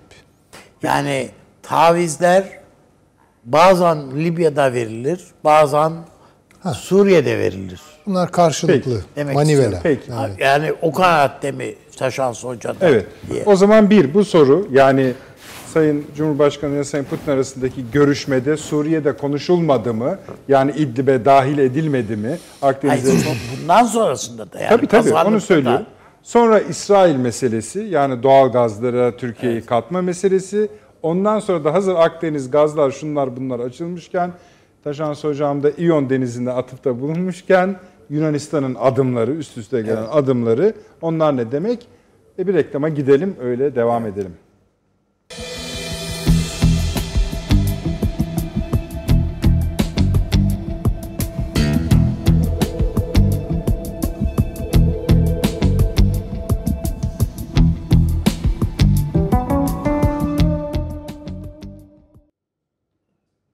Döndük efendim. Akıl Odası devam ediyor. Bir seri soru paylaşmıştık giderken onları konuşmak üzere. Ama önce e, Ankara hazır değil mi arkadaşlar? Taşansı Türker hocamın hı, Taşansı Türker hocamın yanıtlaması gereken ilk soru var. Hocam hatırlıyorsunuz soruyu değil mi? Avni Bey'in sorusunu. Evet evet tabii, Tabii, hatırlıyorum. buyurun buyurun buyurun. Tabii hatırlıyorum. Ee, ya şöyle çok önemsiyorum ben bu soruyu. Ee, Hatta daha önce de e, konuşma fırsatı bulmuştuk sizin programlarda. Şimdi şöyle düşünelim. Yani e, İdlib'den başlayan e, doğuya doğru giden İran sınırına kadar giden bölge Türkiye'nin sınır güvenliği sorunudur. Yani çok can yakıcı bir sorundan bahsediyoruz. Libya'da ise kazanımlardan bahsediyoruz. Dolayısıyla e, Mağrip Maşrık dengesi e, demiştim ben daha önce de. E, yani Mağrip'teki bazı kazanımların Maşrık'a nasıl söyleyelim aktarılabilmesi, orada kazanımlara çevrilebilmesi imkanı vardır ve ben bunların ayrı e, konuşulmayacağı kanaatindeyim Rusya'yla da. E, Çünkü hani Rusya'nın orada istediği e, paylar diyelim arzu ederseniz buna yani e, Türkiye'nin Rusya'ya sağlayabileceği ayrıcalıklar var. Ve bu ayrıcalıkları kardan zarar olarak değerlendirecektir Türkiye. E, Ancak e, Suriye'de bunun karşılığında e, elde etmeyi düşündüğümüz kazanımlar ise çok daha hayati olduğu için bu anlamda böyle bir denge olduğunu, Rusya ile ilişkilerde ikisinin beraber tek dosya halinde değil ama iki ayrı dosyanın birbiriyle ilintili halde konuşulmasının Türkiye için büyük bir diplomatik başarı sağlama potansiyeli olduğunu da görüyoruz. E, Bu anlamda gerçekten hani sahadaki işte e, varlık çok önemli. E, Orada da şunu söylememiz lazım. Dünyanın be- belli dönemlerinde böyle saha varlığı e, diplomasinin işini kolaylaştırır. Ve sahada yoksanız da diplomasiniz de olmaz. Hani geleneksel diplomasi sahayı çok önemsemez çünkü bir statiko içerisinde diplomasi kendi rotasında ilerler, kendi yolunda ilerler ama dünyanın böyle dönemlerinde, herkesin kendisi için olduğu e, dönemlerde yani yeni kurulum dönemlerinde saha varlığı kaçınılmaz ve onun neler sağlayabileceğini de ben yakın dönemde e, Suriye'de tezahürlerini göreceğimiz kanaatindeyim. Peki. Zannediyorum e, yeterli olmuş. şey de yapalım. Tabii tabii. Taşansı Hocam şöyle de yapalım. Bu e, İyon Denizi'nden de bahsedildi ya. İtalya Yunanistan arasındaki konuya da giriş Evet. yapmış olalım. Tekrar sonra Süleyman Hocam'la devam edeceğiz. O, bu anlaşmanın Ee, İyon Denizi'ndeki mevzu buyurun. du- duyamadım son söylediğiniz Nedret Ha Bey. işte Türkiye e, Yunanistan'la İtalya arasındaki anlaşmadan bahsediyorum. Evet, evet. Buyurun. Şimdi Yunanistan'la İtalya arasındaki anlaşma e, önemli bir anlaşma. E, İtalya'nın e, çeşitli kazanımları olduğu doğru ama çok ciddi kazanımlar değil bunlar. E, Burada yani bu çok teknik konular bunlar ama daha önce e, birkaç kere ben e, dillendirme fırsatı buldum bu konuyu. Çok önemlidir. E, Adaların kıta sahanlığı mevzu. Yani adaların e, nasıl bir statüsü olduğu. E, deniz yetki alanlarının paylaşılması sırasında adaların hakkı var mıdır yok mudur en basit haliyle böyle söyleyeyim. Şimdi bizim Libya ile yaptığımız deniz yetki alanlarının sınırlandırılması anlaşması adaların e, ana kara gibi sayılamayacağı, ana kara gibi sayılabilmeleri için adaların bir ada devleti olması gerektiği varsayımı ve teorisine dayanır. Ee, ve genel olarak kabul gören yaklaşım da budur. Yunanistan'ın temel iddiası ise adaların da ana kara gibi e, her türlü hakkının olduğu iddiasıdır. Şimdi bu İyon Denizi'nde yapılan, e, İtalya ile yapılan anlaşmada e, yani e, şöyle söyleyelim biraz karmaşık bir konu bu. E, Tam açık bir şekilde Yunanistan adaların e, statüsü yoktur demiyor. Şimdi orada bir Korfu adası var. Yunanistan'ın hemen kuzeybatısında yer alır. İyon Denizi'nin girişinde. Korfu adasının kuzeybatısında da e, Diapontia e, adaları vardır. Bunlar e, iki tane ada, üç tane kayalıktan oluşuyor galiba ki adalar ve kayalıkların statüsü de farklıdır zaten. Şimdi bu son yapılan anlaşmada Diapontia adalarının e, kıta sahanlığı yok. Ama Korfu'nun var hala. Birincisi bu. İkincisi median line denir. Medyan orta çizgi. Orta çizgi anlaşması da şu demektir. Taraflar e, uluslararası hukukun belirlediği ilkelere göre ancak kendi aralarında anlaşarak çizgi çizebilirler. E, Orta çizgi demek de işte böyle bir şey. Bir orta hattan çizgi çekilmiş durumda İtalya ile Yunanistan arasında. Ancak burada gözlerden kaçmaması gereken önemli bir husustur. 1977 yılında yine İtalya ile Yunanistan arasında yapılan bir anlaşmaya e, referans veriliyor. O hatırlatılıyor ve e, aynen şöyle deniyor. Reconfirms the rights of islands to maritime zones. E, yeniden diyor adaların deniz yetki alanına sahip olduğunu teyit ederiz. Yani e, bu önemli. Bakın hani şey değil işte Yunanistan adaların şeyi yoktur dedi değil. Anlaşmada tam böyle bir madde var. Ben yanlış görmediysem Yo, yo, basından öyle, gördüğüm kadarıyla. öyle. Metni görmedim çünkü. Basının aktardığı kadarını biliyorum. Ee, şimdi e, bu, bu neden peki böyle? Niye bunu koyar İtalya ve Yunanistan buraya? E zaten hem Yunanistan açısından bu şart. İtalya açısından neden şart? Sardinya adasından dolayı Fransa ile geliştirilecek olan deniz yetki alanı anlaşması çerçevesinde adaların kıta sahanlığı olması gerektiğini iddia ediyor İtalya'da. Şimdi dolayısıyla bu karmaşık bir iş. Ee, Yani e, bir e, şey yok e, bu işin sonunda. Ee, Bizi çok ilgilendiren bir konu değil İtalya ile Yunanistan arasındaki sınır hattı. Ee, Çünkü yani Yunanistan'ın batısı İtalya'nın doğusundan bahsediyoruz Evet. işte İyon Denizi'nden. Dolayısıyla bizi çok ilgilendiren bir konu olmamakla beraber hani çok Türkiye açısından olumlu bir anlaşma da değil, olumsuz bir anlaşma da değil. Yunanistan bunu neden yapıyor peki? Olabildiğince İtalya ile arasını iyi tutmaya çalıştığı için şimdi bir benzerini de Mısır'la yapmak isteyecektir. Can havliyle. İşte o önemlidir bu- Türkiye bu açısından. anlaşma Mısır'ın e, Mısır kamuoyunda keşke Türkiye'nin. Avni Bey diyor ki Taşansı Hocam. nasıl? Şöyle. Avni Bey diyor ki bu diyor Mısır'ın alanını bu anlaşma diyor Mısır'ın alanını daraltıyor diyor. Ha kesinlikle, kesinlikle, kesinlikle doğru. Şimdi şöyle e, orada da e, Türkiye'nin e, iddiası çerçevesinde Türkiye ile Mısır arasında yapılacak bir anlaşma Mısır'ın deniz yetki alanının daha geniş olmasıyla sonuçlanacak. E, Dolayısıyla Mısır'da keşke hani e, bizim de bir e, kamuoyu yaratma potansiyelimiz olaydı. Ya hiçbir şey olmadı ulusal çıkarınız çerçevesinde kardeşim bunu Türkiye ile yapmanız gerek cümlesini dillendirme imkanımız olurdu. Bir baskı kurma imkanımız olurdu Mısır devleti üzerinde. Ancak bunu olabildiğince farklı kanallardan dillendirmek gerek diye düşünüyorum. Çünkü burada Yunanistan'ın gerçekten hem Türkiye aleyhine olduğu gibi Mısır aleyhine de bir yayılması var ve haksız bir e, kazanım var burada deniz alanlarında. Aynı şekilde Güney Kıbrıs Rum kesiminin de Lübnan'a dair e, böyle bir sıkıntısı var. Yani Lübnan da deniz yetki alanını kaybediyor. E, Şimdi e, Lübnan'ı da uzun zamandan beri e, pek konuşmuyoruz programlarınızda. E, Çok önemli bir de ciddi ekonomik istikrarsızlıklar var. Yani iyi takip etmek lazım Lübnan'ı. Ee, yakında umarım hani orada da böyle ciddi kaosla karşılaşılmaz ama e, yani bu Akdeniz işi, Doğu Akdeniz işi Libya'dan başlayıp Mısır'ı, İsrail'i, Lübnan'ı, Suriye'yi, Yunanistan'ı, İtalya'yı e, ilgilendiren bir konu. E, dolayısıyla bunların Peki. hepsiyle e, önemli temaslar kurmak e, ya da baskı oluşturmak gerekecektir. Tabii bunun merkezinde unutmamamız lazım. Canımız ciğerimiz e, Kuzey Kıbrıs Türk Cumhuriyeti var. E, o, o- orada da mesela İngilizlerin bu üstten İngiliz Doğru. üstünden toprak devretmesi vesaire çok kabul edilebilir şeyler değil. O konuda da Türkiye'nin sesini yüksek çık- çıkaracağını, konuya müdahale olacağını düşünüyorum. Teşekkür ediyorum Taşansı Hocam. Bu bahis edilen Kıbrıs'taki mesele de ilginç bir mesele. Yani İngiliz üssünün orada e, bugün e, Evet. KKTC Başbakanı bu konuda ikaz açıklamaları yaptı. O da ayrı bir şey. Yani bunları üst üste getiriyorlar, devam ediyorlar.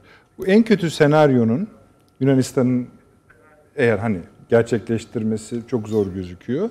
Bir Yunanistan-Mısır Çok zor. E, Evet yani bu ama en kötü senaryo bu. Ama Fakat o- en zor senaryo da bu. Yani işte biraz önce Taşan Hoca dedi ya buradaki en güçlü senaryo Mısır Türkiye olursa bambaşka bir şey. E, olacağı da o olacak galiba. Muhtemelen. Yani eğer Mısır'da akıl galip gelirse olması gereken bu tabiatıyla. Ama Mısır'da zaten hani evet Taşans Hoca doğru yani haklı olarak söylüyor. Yani biz eğer bir kamuoyu oluşturma şeyimiz olsa daha rahat ederdik diye. Varsayalım ki yok bu imkan Mısır'la hiç değilse aramızda veya Mısır bize karşı ön yargılı bakıyor. Ama ona rağmen kendi çıkarları konusunda bu kadar e, saf dil olacaklarını herhalde düşünmek mümkün değil. Yani bunu bilmeyen insanlar değil.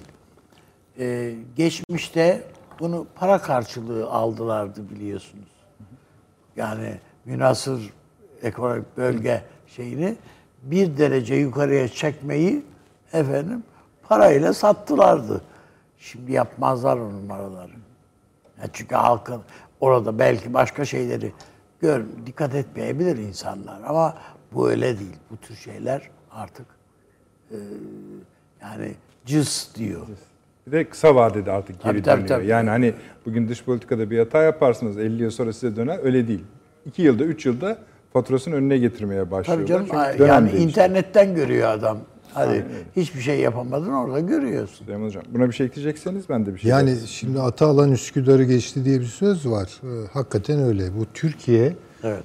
çok proaktif bir e, adımla bu deniz yetki anlaşmasını Libya ile imzaladı. Şimdi bunu tehdit eden başka şeyler var. Bakınız onlarla da biraz yüzleşmemiz lazım. Tabii meşru bir hükümet var. Altında onun imzası var. Parlamento onayı yok ama. Yani şimdi bunu mesela bir bir tarafta düşünmemiz lazım. Çünkü parlamento öbür tarafta. Ha bunun da meşruluğu tartışılabilir vesaire. Şimdi bütün yapılar e, Libya'da böyle jölemsi bir halde olduğu için Yani sonuçta nihai olarak hükümetin evet demesi geçerli oluyor.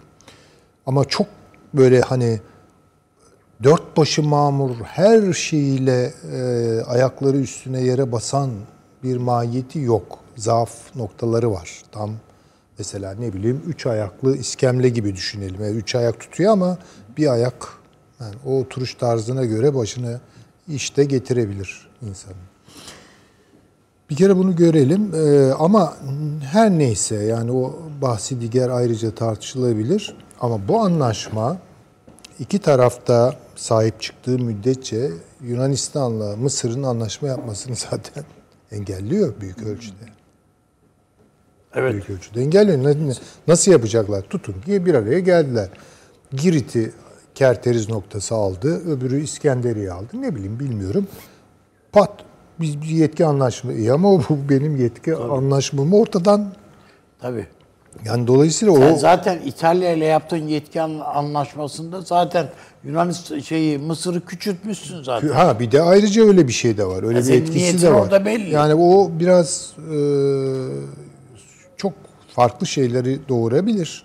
Onu göz alacaklarını zannetmiyorum. Yani Mısır istemeye istemeye veya biraz da bir yerden isteyerek çıkarları gereği Türkiye ile bunu yapacak. Yani bunu, bunu e, beklemeliyiz. Ama herhalde tadından yemeyecek bir şey İsrail'le tabii Türkiye'nin Tabii, bunu yapması o Yani eğer Mısır'da hakikaten akil bir yönetim varsa Yunanistan'la an- O tabii. Tabii yani şey temiz. tabii. Biliyorum yani. Burada şu önemli bence. Türkiye'nin burada biraz bence daha akılcı ön alması mı lazım? ön alması şu olur. İsrail'le yapması olur. Evet. Ben bunu rasyonel e, Mısır ikna gerekçelerle... edilemez ama zorlanabilir. Çünkü bakınız biz İsrail'le bu kadar ideolojik olarak koptuk. E, işte one minute tartışmaları vesaire işte elçiler çekildi ve ama ticaret yürüyor. Üstelik artarak yürüyor. Artarak. Ve her şeye rağmen Türkiye Cumhuriyeti kamuoyunda böyle kategorik, sistematik bir İsrailli düşmanlığı yok. Yani İsrailli düşmanlığı yok. Yani Türk milleti İsrail'in Siyonist politikalarıyla İsrailliyi hala aynı kefeye koymuyor. Bu çok ilginç bir şey. Aynı şekilde İsrail kamuoyunda da bütün o siyasi gerilimlere rağmen Türkiye'ye dönük bir Evet. şey var. Yani işte diziler seyrediliyor, bilmem ne oluyor. Yani kategorik bir şey yok ve ticarette bir taraftan yürüyor. Demek ki yani uluslararası planda, siyasal e, alanda sorunlarınız olabilir. Ama buna rağmen yapılacak bir şeyler de vardır. İsrail çok pragmatiktir. Belli açılardan çok dogmatiktir. Ama belli açılardan da çok ticaret filan olunca, çıkar filan söz konusu olduğu zaman hemen işte o e, yüzyıllarca e, kendilerine göre Sıla'da yaşamanın getirdiği bir yatkınlıkla farklı kalıplara girebiliyorlar. Yani farklı tavır Kaldı ki alabiliyorlar. hocam İsrail'in içinde de mesela bu e, işgal e, siyasetine karşı çıkan bir Muhakkak, çok tabii, tabii. ciddi Orada bir da acayip iç bir- kamuoyu var yani çok Kamuoyu esaslı var, bir tabii. protesto gösterisi yapıldı Tabii geçen tabii. hafta bilmem ne. Yani Amerika'daki Yahudiler neredeyse yani e, o Hasidikler falan acayip e, tepki duyuyorlar Siyonizme. Onlar zaten hani İsrail'in varlığına da karşılar. Abi bir de yani kategorik olarak da anti-Siyonistler. Evet yani. öyle. Bunu Yahudiliğe ihanet olarak görüyorlar filan. Bilemem iç yüzlerini. Ama dediğim gibi bence ön alıcı siyaset. Mısır'ı kontrol etmek istiyorsanız, böyle bir anlaşmaya zorlamak istiyorsanız doğrudan Mısır'ın üstüne gitmenin bir alemi yok. Bence İsrail'le yapmak çok daha rasyoneldir. Kavgamız devam eder ayrı bir şey. Yani mücadele devam eder. Ee, Gazze için devam eder. Oradaki Filistinler için devam eder. Ama bu ayrı bir şey. Yani ayrı bir fasıl bu. O faslı açabilecek miyiz Kaldı ki bence açabiliriz. Türkiye Almanya ile filan da irtibatı İsrail siyasetinde filan çünkü son Alman Dışişleri Bakanı ka- resmen tehdit edildi. Seni katı, şey yapamayız yani eğer e, Gazze'ye geçersen 14 gün karantinada kalırsın falan dediler herife. Resmen adam seyahatini, seya- çalışma programını iptal etti. Şimdi bunun üzerine şunu ekleyelim o zaman. Ee, siz bir öncelik sonralık sıralaması yaptınız diyelim. Hani o yani İsrail eklerseniz arkasından Mısır gelir mi onu bilmiyorum. Ama bu, bu daha kolay dediniz. Valla çok kolay düşerler o zaman. Yapacakları bir şey yok. Bir şey yok. Peki. Ee, en azından parçalanırlar. En azından parçalanırlar. Yani öyle bir durum çıkar. Çünkü Yunanistan'la Mısır arasında bir anlaşma olsa dahi o da oyundan bir şekilde daralacağı için. Ama şimdi bu açılışta söylediğimiz konu İsrail'in Amerika tarafından bu doğal gaz ittifakına Türkiye'nin dahil edildiğini söylemiş olması, yani dahil edilin tavsiyesini söylemiş olmasını da buna ekleyelim. E tabi bunu ekleyebilirsiniz. Yani şimdi İsrail'de bir akıl çalışıyor. Real politik bir akıl çalışıyor. İsrail'in çıkarlarını önceliyor. Ama İsrail'in öncelenmiş çıkarları Türkiye'yi gerektiriyorsa ve Türkiye ile işbirliğini gerektiriyorsa bu konuda da son derece kompleksiz konuşabiliyorlar. Bugüne kadar şunu söylüyorlardı. Yani biz Türkiye'yi, yani İsrail diyordu ki medyası, yazarları, akademisyenleri ya biz bu işte Türkiye'yi çok dışlayarak hata yaptık. Ee, bunu toparlayalım, bir şekilde bir yöntem bulalım vesaire vesaire. Bugün şöyle de demeye başlamış oluyorlar. Ya bu zaten böyleydi ama şimdi Amerika da bu yüzden bizim üzerimize Tabii, tabii, geliyor tabii. lafı ilk defa çıkıyor. Çıkıyor. Ha bu nereye varır? Hızlanır mı? Şey olur mu? Ama işte bu bu tür bir anlaşmaya evrilirse ilginç olur. Tabii iki tarafta kazançlı olur. Olur. Anam. Bence de. Peki bir de taşan Yani e, şey değil bu ve olmayacak şey değil yani. Değil tabii. tabii. Yani bizim bir tabii bir de böyle e, çok duygusal motivasyonlarla işte ezeli ebedi düşmanlıklar, ezeli ebedi bunları artık da hakikaten bırakmamız gerekiyor. Bunu telaffuz ediyoruz. Sık sık da bu vurgulanıyor. Ya böyle ezeli düşman, ebedi e, dost falan yoktur. Sorunlara göre değişir. Bunu söylüyoruz ama söylemek yetmiyor. Bunu ne kadar sindiriyoruz e, diyorsanız sindirmede problemler var. Bence bunu hızlı bir şekilde sindirip gereğini yapmak lazım. Yani İsrail'le düşman da kalabilirsiniz ama işbirliği de yapabilirsiniz. Belli noktalarda. İsrail, zaten çok uygun bir format. İsrail zaten Çok uygun. bir Bu ama format. Mısır için de ama, ama Mısır siyasi aklı buna yatkındır değildir onu bilmem. Yani belki İran'la belli açılarda işte zaten öyle olmadı mı bu Soçi'de filan.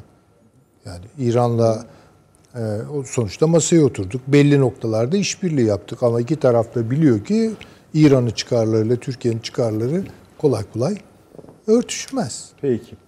Taşansı Hocam siz ne diyorsunuz bu İsrail'in meselesine?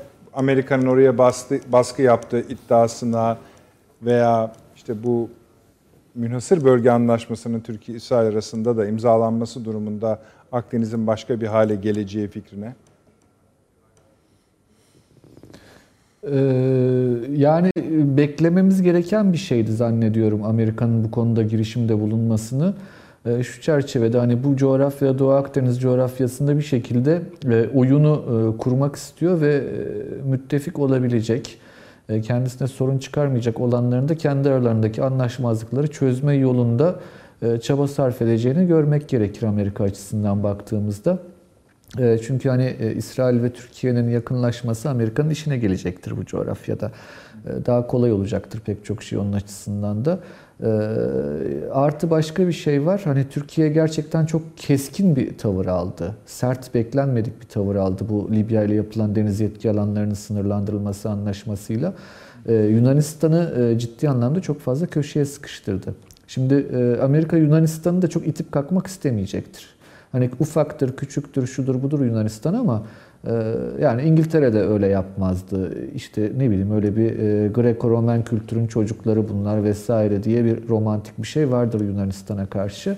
E, dolayısıyla e, Türkiye'nin e, Doğu Akdeniz'de dışlandığı bir hikayeyi kabul etmeyerek Amerika, İsrail'le de arasının kısmen, e, tamamen değil ama kısmen düzelmesini sağlayarak e, bu Libya ile yapılan deniz yetki anlaşmasında da Türkiye'nin bazı e, geri adımlar atabileceğini hesaplıyor olabilir. Yani vazgeçmesi anlamında demiyorum ama e, Yunanistan'la da e, anlaşma yolunda e, daha yapıcı davranacağını hesaplıyor olabilir. E, Şimdi tabii e, birincisi bu, ikincisi Amerika dediğimizde hep e, söylüyoruz Am- Amerika demek bunun Trump yönetimi demek. Yani Pompeo'nun İsrail ziyaretini akıllarımızdan çıkarmayalım.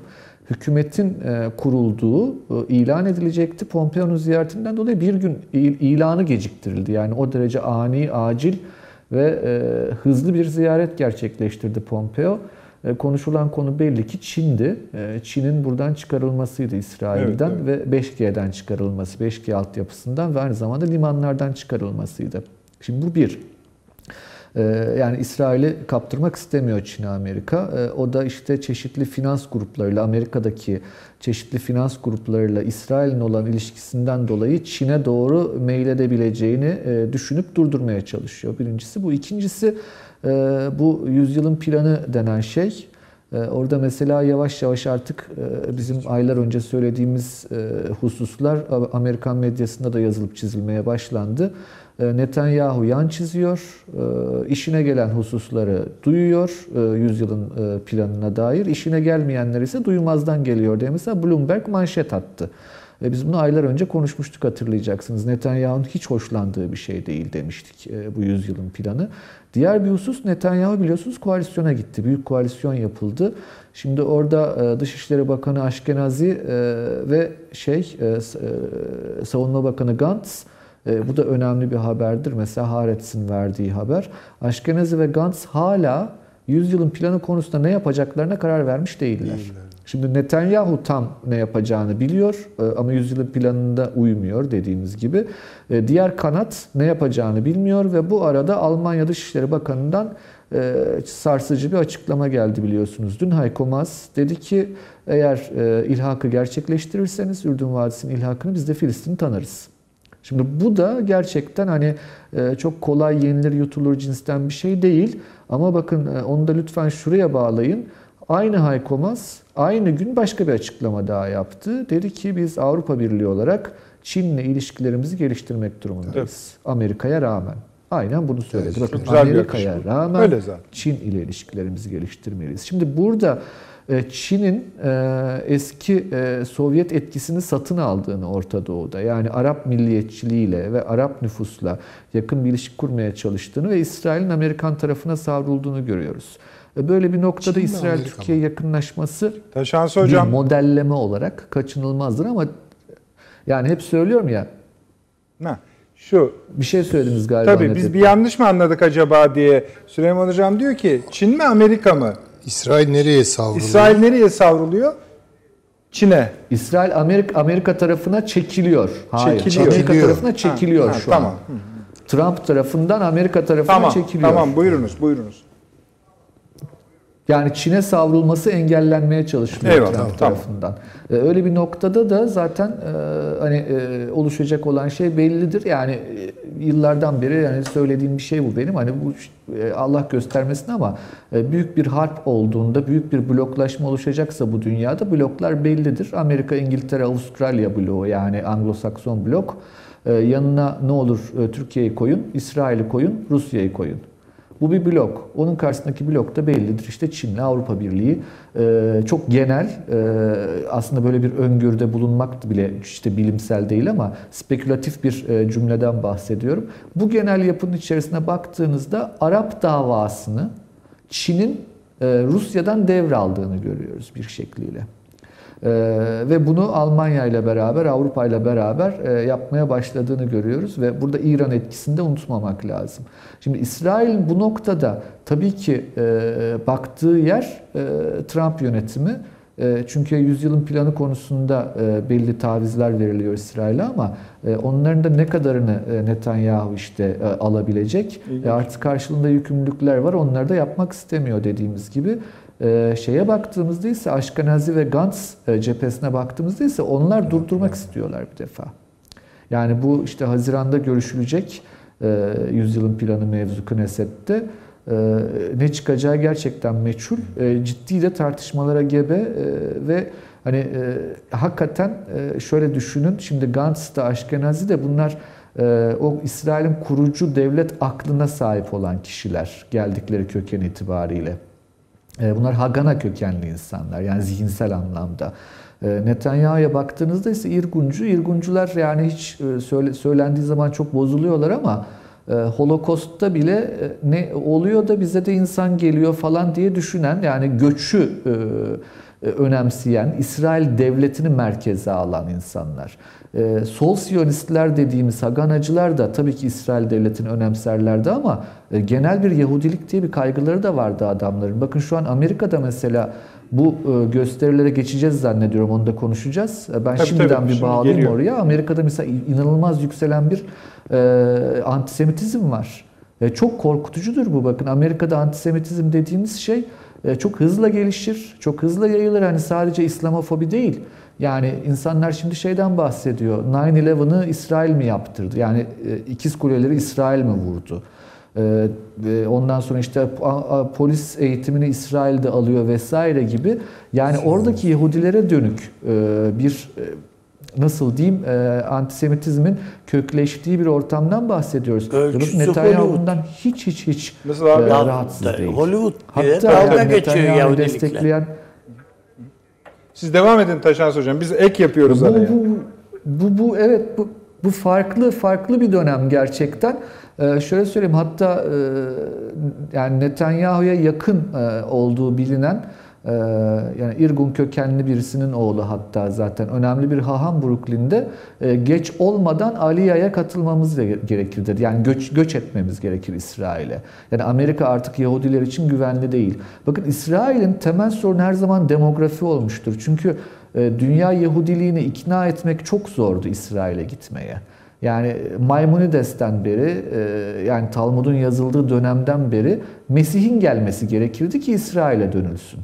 Hadi laikleştiler, sekülerleştiler 19. yüzyılda Siyonizm oluştu ama yani e, Uganda'ya gidelim dediler kimse gitmedi. Mecburen işte e, İsrail'e gidelim gibi bir noktaya vardılar.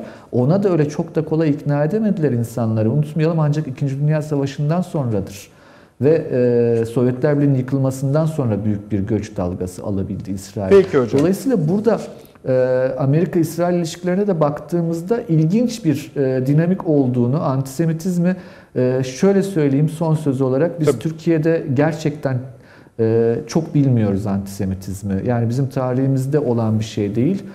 O yüzden ama çok iyi çalışılması gereken bir şey. Yani Batı Hristiyan dünyasının kemiklerine işlemiş bir duygu halidir o.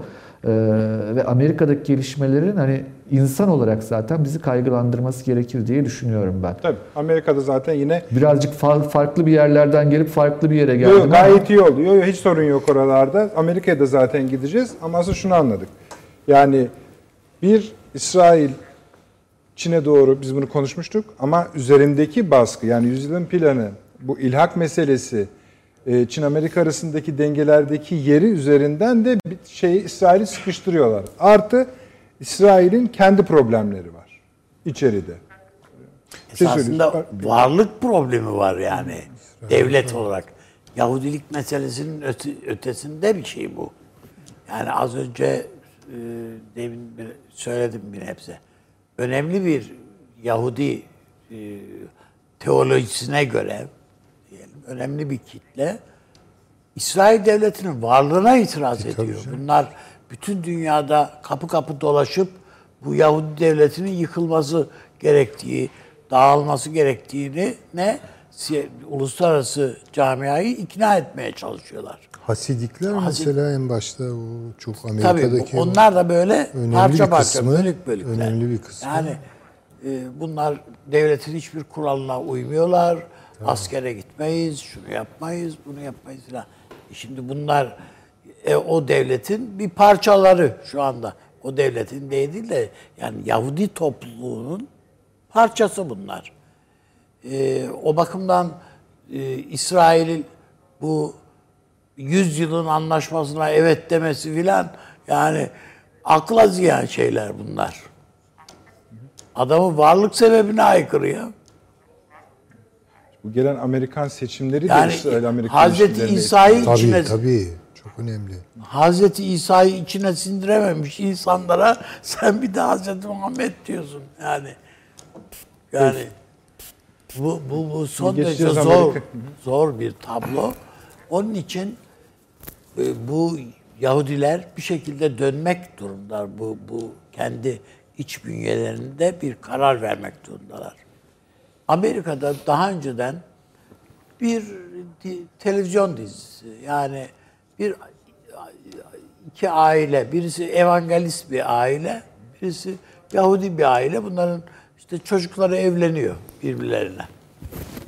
Ve bunlar bu çocuklar üzerinden ve bu aileler üzerinden Yahudilik ve Hristiyanlığı tar- şey yaptılar. Dalga geçtiler. Ama burada esas dalga geçilen Yahudilik. Çünkü köklü şeyler orada. Gelenekler. Evangelizmin zaten Besleyici, varlığı ne kadar ki. Yani neyini dalga geçeceksin.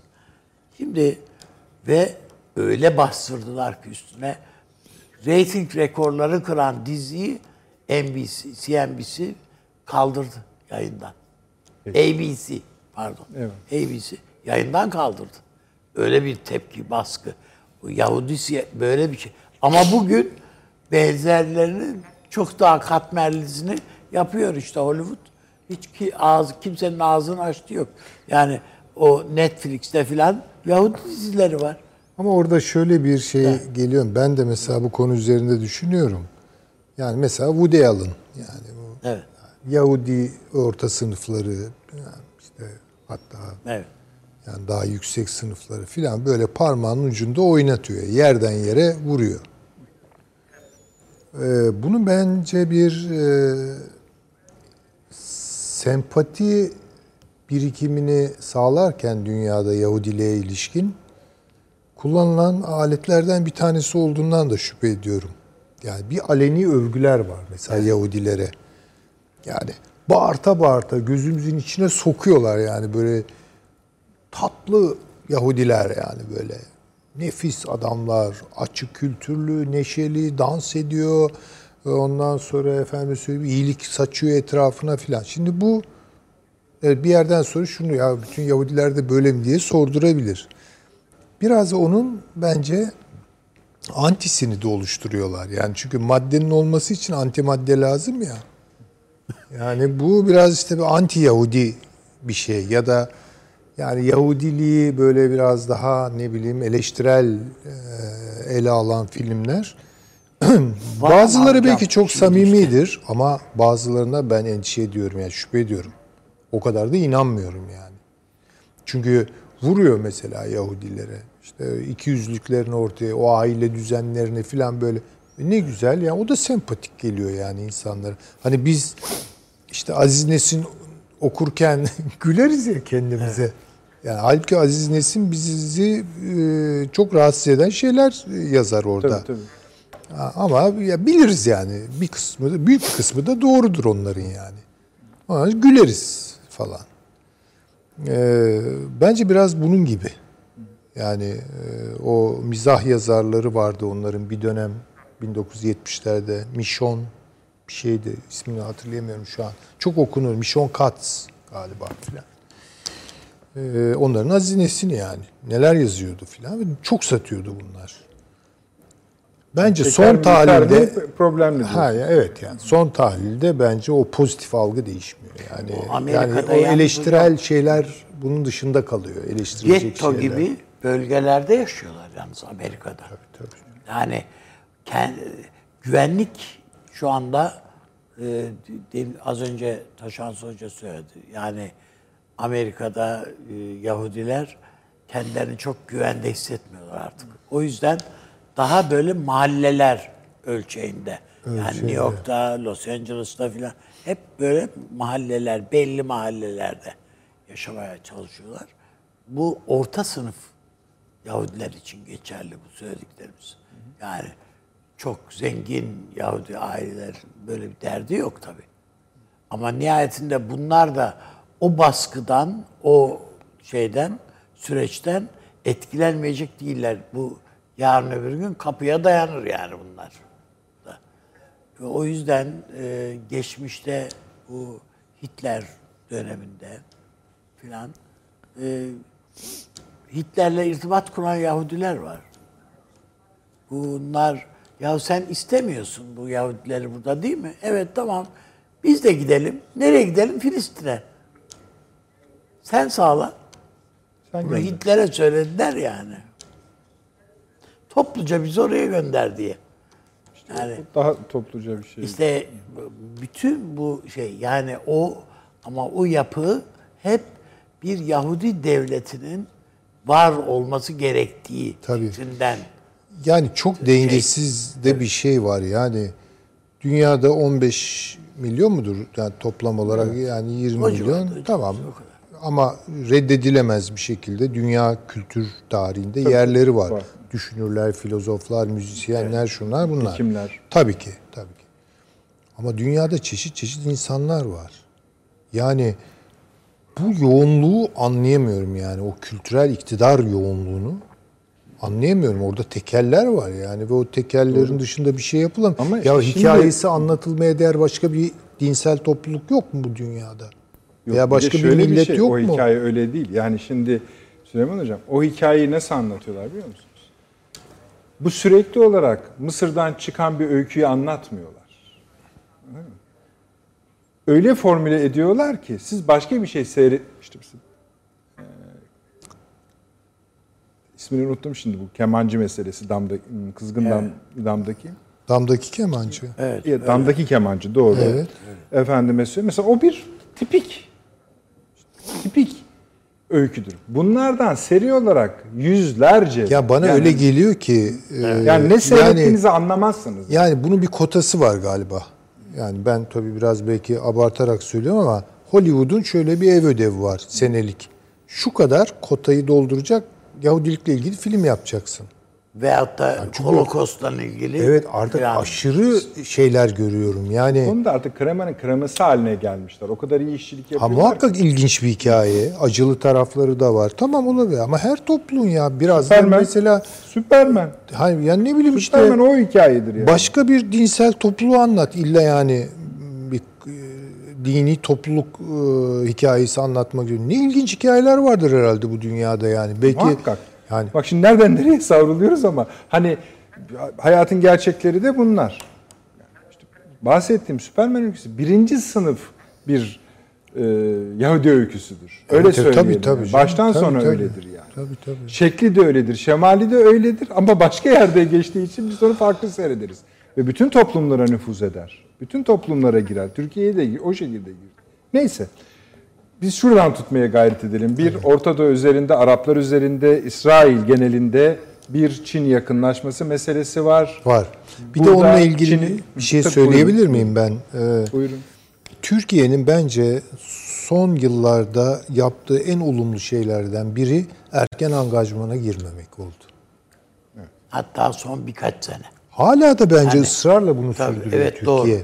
Ve o Sayın Dışişleri Bakanı da yani biz herhangi bir Bağımsız angajman dedi evet yani böyle bir angaje durumda hissetmiyoruz kendimizi dedi. Bu çok önemli bir şey. Bakın Hocam İran artık demek- tamam İran Çin bunu biliyoruz. Pakistan Çin bunu biliyoruz. Evet, öyle. İsrail de atladı bu işin içerisine Çin. E, Avrupa da bunu yapıyor. Çin. Bence belirsiz kalan hala Amerika Çin gerilimi içerisindeki İngiltere'yi esas oturttuk mu hocam? Tam yerine. İngiltere tabii Çin yani Oturttuk. bu. Tabii içinde bunun problemlerini yaşıyor belki ama ağırlık verdiği şey Çin yani bu çok açık. Ee, Türkiye ve Rusya henüz bu konuda çok net değil. Yani bence olmaması da çok iyi. Hocam Hol şeyde Hong Kong'da Hong Kong yuanı çıkarıyorlar şimdi. Tabii. İki, Çin'in ulusal değerleri aleyhine konuşan Hong Kong'da. Ulusal değerleri aleyhine konuşan ceza. Ceza tabii tabii. Peki. O kanun da çıktı. Yani çıktı yani Çin parlamentosu. Bence eğlenceli bir yere doğru gidiyoruz. Onu da reklamlarla Evet. ballandıralım öyle söyleyelim. Hemen geleceğiz efendim.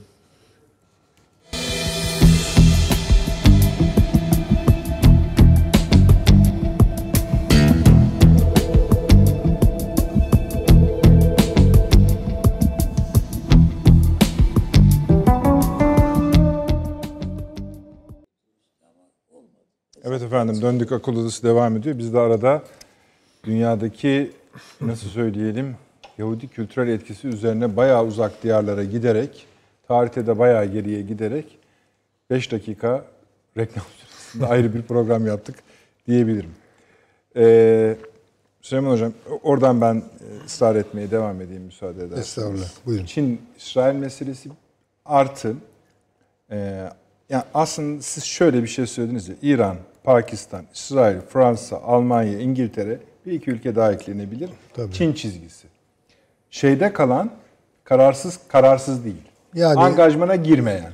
Evet Öyle şu an, söyleyelim. Şu an bence odur. Ama bunu şöyle de anlamıyoruz değil mi? O angajmana girmiyor ama öbürü de angajmana girmiş değil. Değil, değil. Tabii, hali tabii. hazırdaki Tabii, tabii. angajmanın üzerine basıyor değil. Bence Ne benziyor. oluyoruz mı diyor. Ee, yani Rusya'nın hesapları da şu an soğutulmuş hesaplar. Türkiye'ninki de öyle. Ya bir takım şeyler devam ediyor işte ticaret filan işte duyuyoruz. Bizim Marmaray'dan Çin'den kalkan tren geçmiş falan işte üçüncü köprü hazırlanıyor falan. Tamam ya bunlar oluyordur da ama ne husumet ne özel bir yakınlaşma. Bence bunu çok iyi yapıyor. İyi ki de böyle yapıyor. Çünkü çok henüz erken. Bence o angajmanlara öyle girilmez yani. Belki İran girmek zorunda değil çünkü petrol satacak. Diğer, diğer taraf da itiyordu Kal- zaten. Kaldı ki biz Uygur varlığını Ha. göz ardı ederek Ama bir o- angajmana Ama onu da kaşımadık bakın. Kaşımadık. Bu da çok ilginç değil Ha, mi? Yani ama onu da kalkıp böyle O, Çin'le... o- ondan bir angajmana giremez. Tabii. O kolay bir şey değil yani. Tamam yani e, ama onu bir düşmanlığa da dönüştürmedi yani bir ilişki. doğru. Ha. E, çünkü onun üzerinden başka bir O angajmana girmek falan da mümkün Uygurlar üstünde. olabilirdi. Dolayısıyla bence çünkü daha belirsiz ve daha bence eli daha fazla seçenek e, arıyor. E, Rusya da öyle. Bunların da bence Amerikan seçimiyle seçimleriyle çok alakası Herkes var. şeyi bekliyor. Trump'ın ne yani olacağını Trump'ın ne olacağına bağlı. Tam da oradan biz Tabii. Eğer Trump kaybederse buna en çok üzülecek Türkiye ve Rusya'dır. Garip bir şey yani değil mi? Onlardır. Evet, burada o zaman şöyle söyleyip hemen aynı tura devam edelim. Bu Seattle'ın düşmesi meselesi. Yani hani hala biz yani biz mi acaba bunu yumuşak alıyoruz? Yani adamlar bu protestocular geldiler. Valiliği bastılar. Belediyeyi bastılar. Belediye orada bizimki gibi değil işte polisi de elinde tutuyor vesaire. Ele geçirdiler. Trump yönetiminde çıktı dedi ki Seattle düştü dedi. Şimdi bir, bir yandan da antifa aklıma geliyor işte. Yani E, tabii, bu- bunların hepsi karışık karışık işler. Aslında antifa mı o o bir diyorlar o bir çatı örgüt. Onun altında böyle bir takım başka bu Yapılar var. eylemleri gerçekleştiren örgütler de var diyorlar. İşte ama bak Orta Doğu'dan başlıyoruz. Hatta tasnif yapıyoruz. Biraz da zorlayarak belki de yani yanıldığımız parçalar da vardır. Çok önemli değil ama böyle bir durum var ortada. Bu geliyor, geliyor, geliyor işte bu seçimlere ve bu protesto gösterilerine yaslanıyor.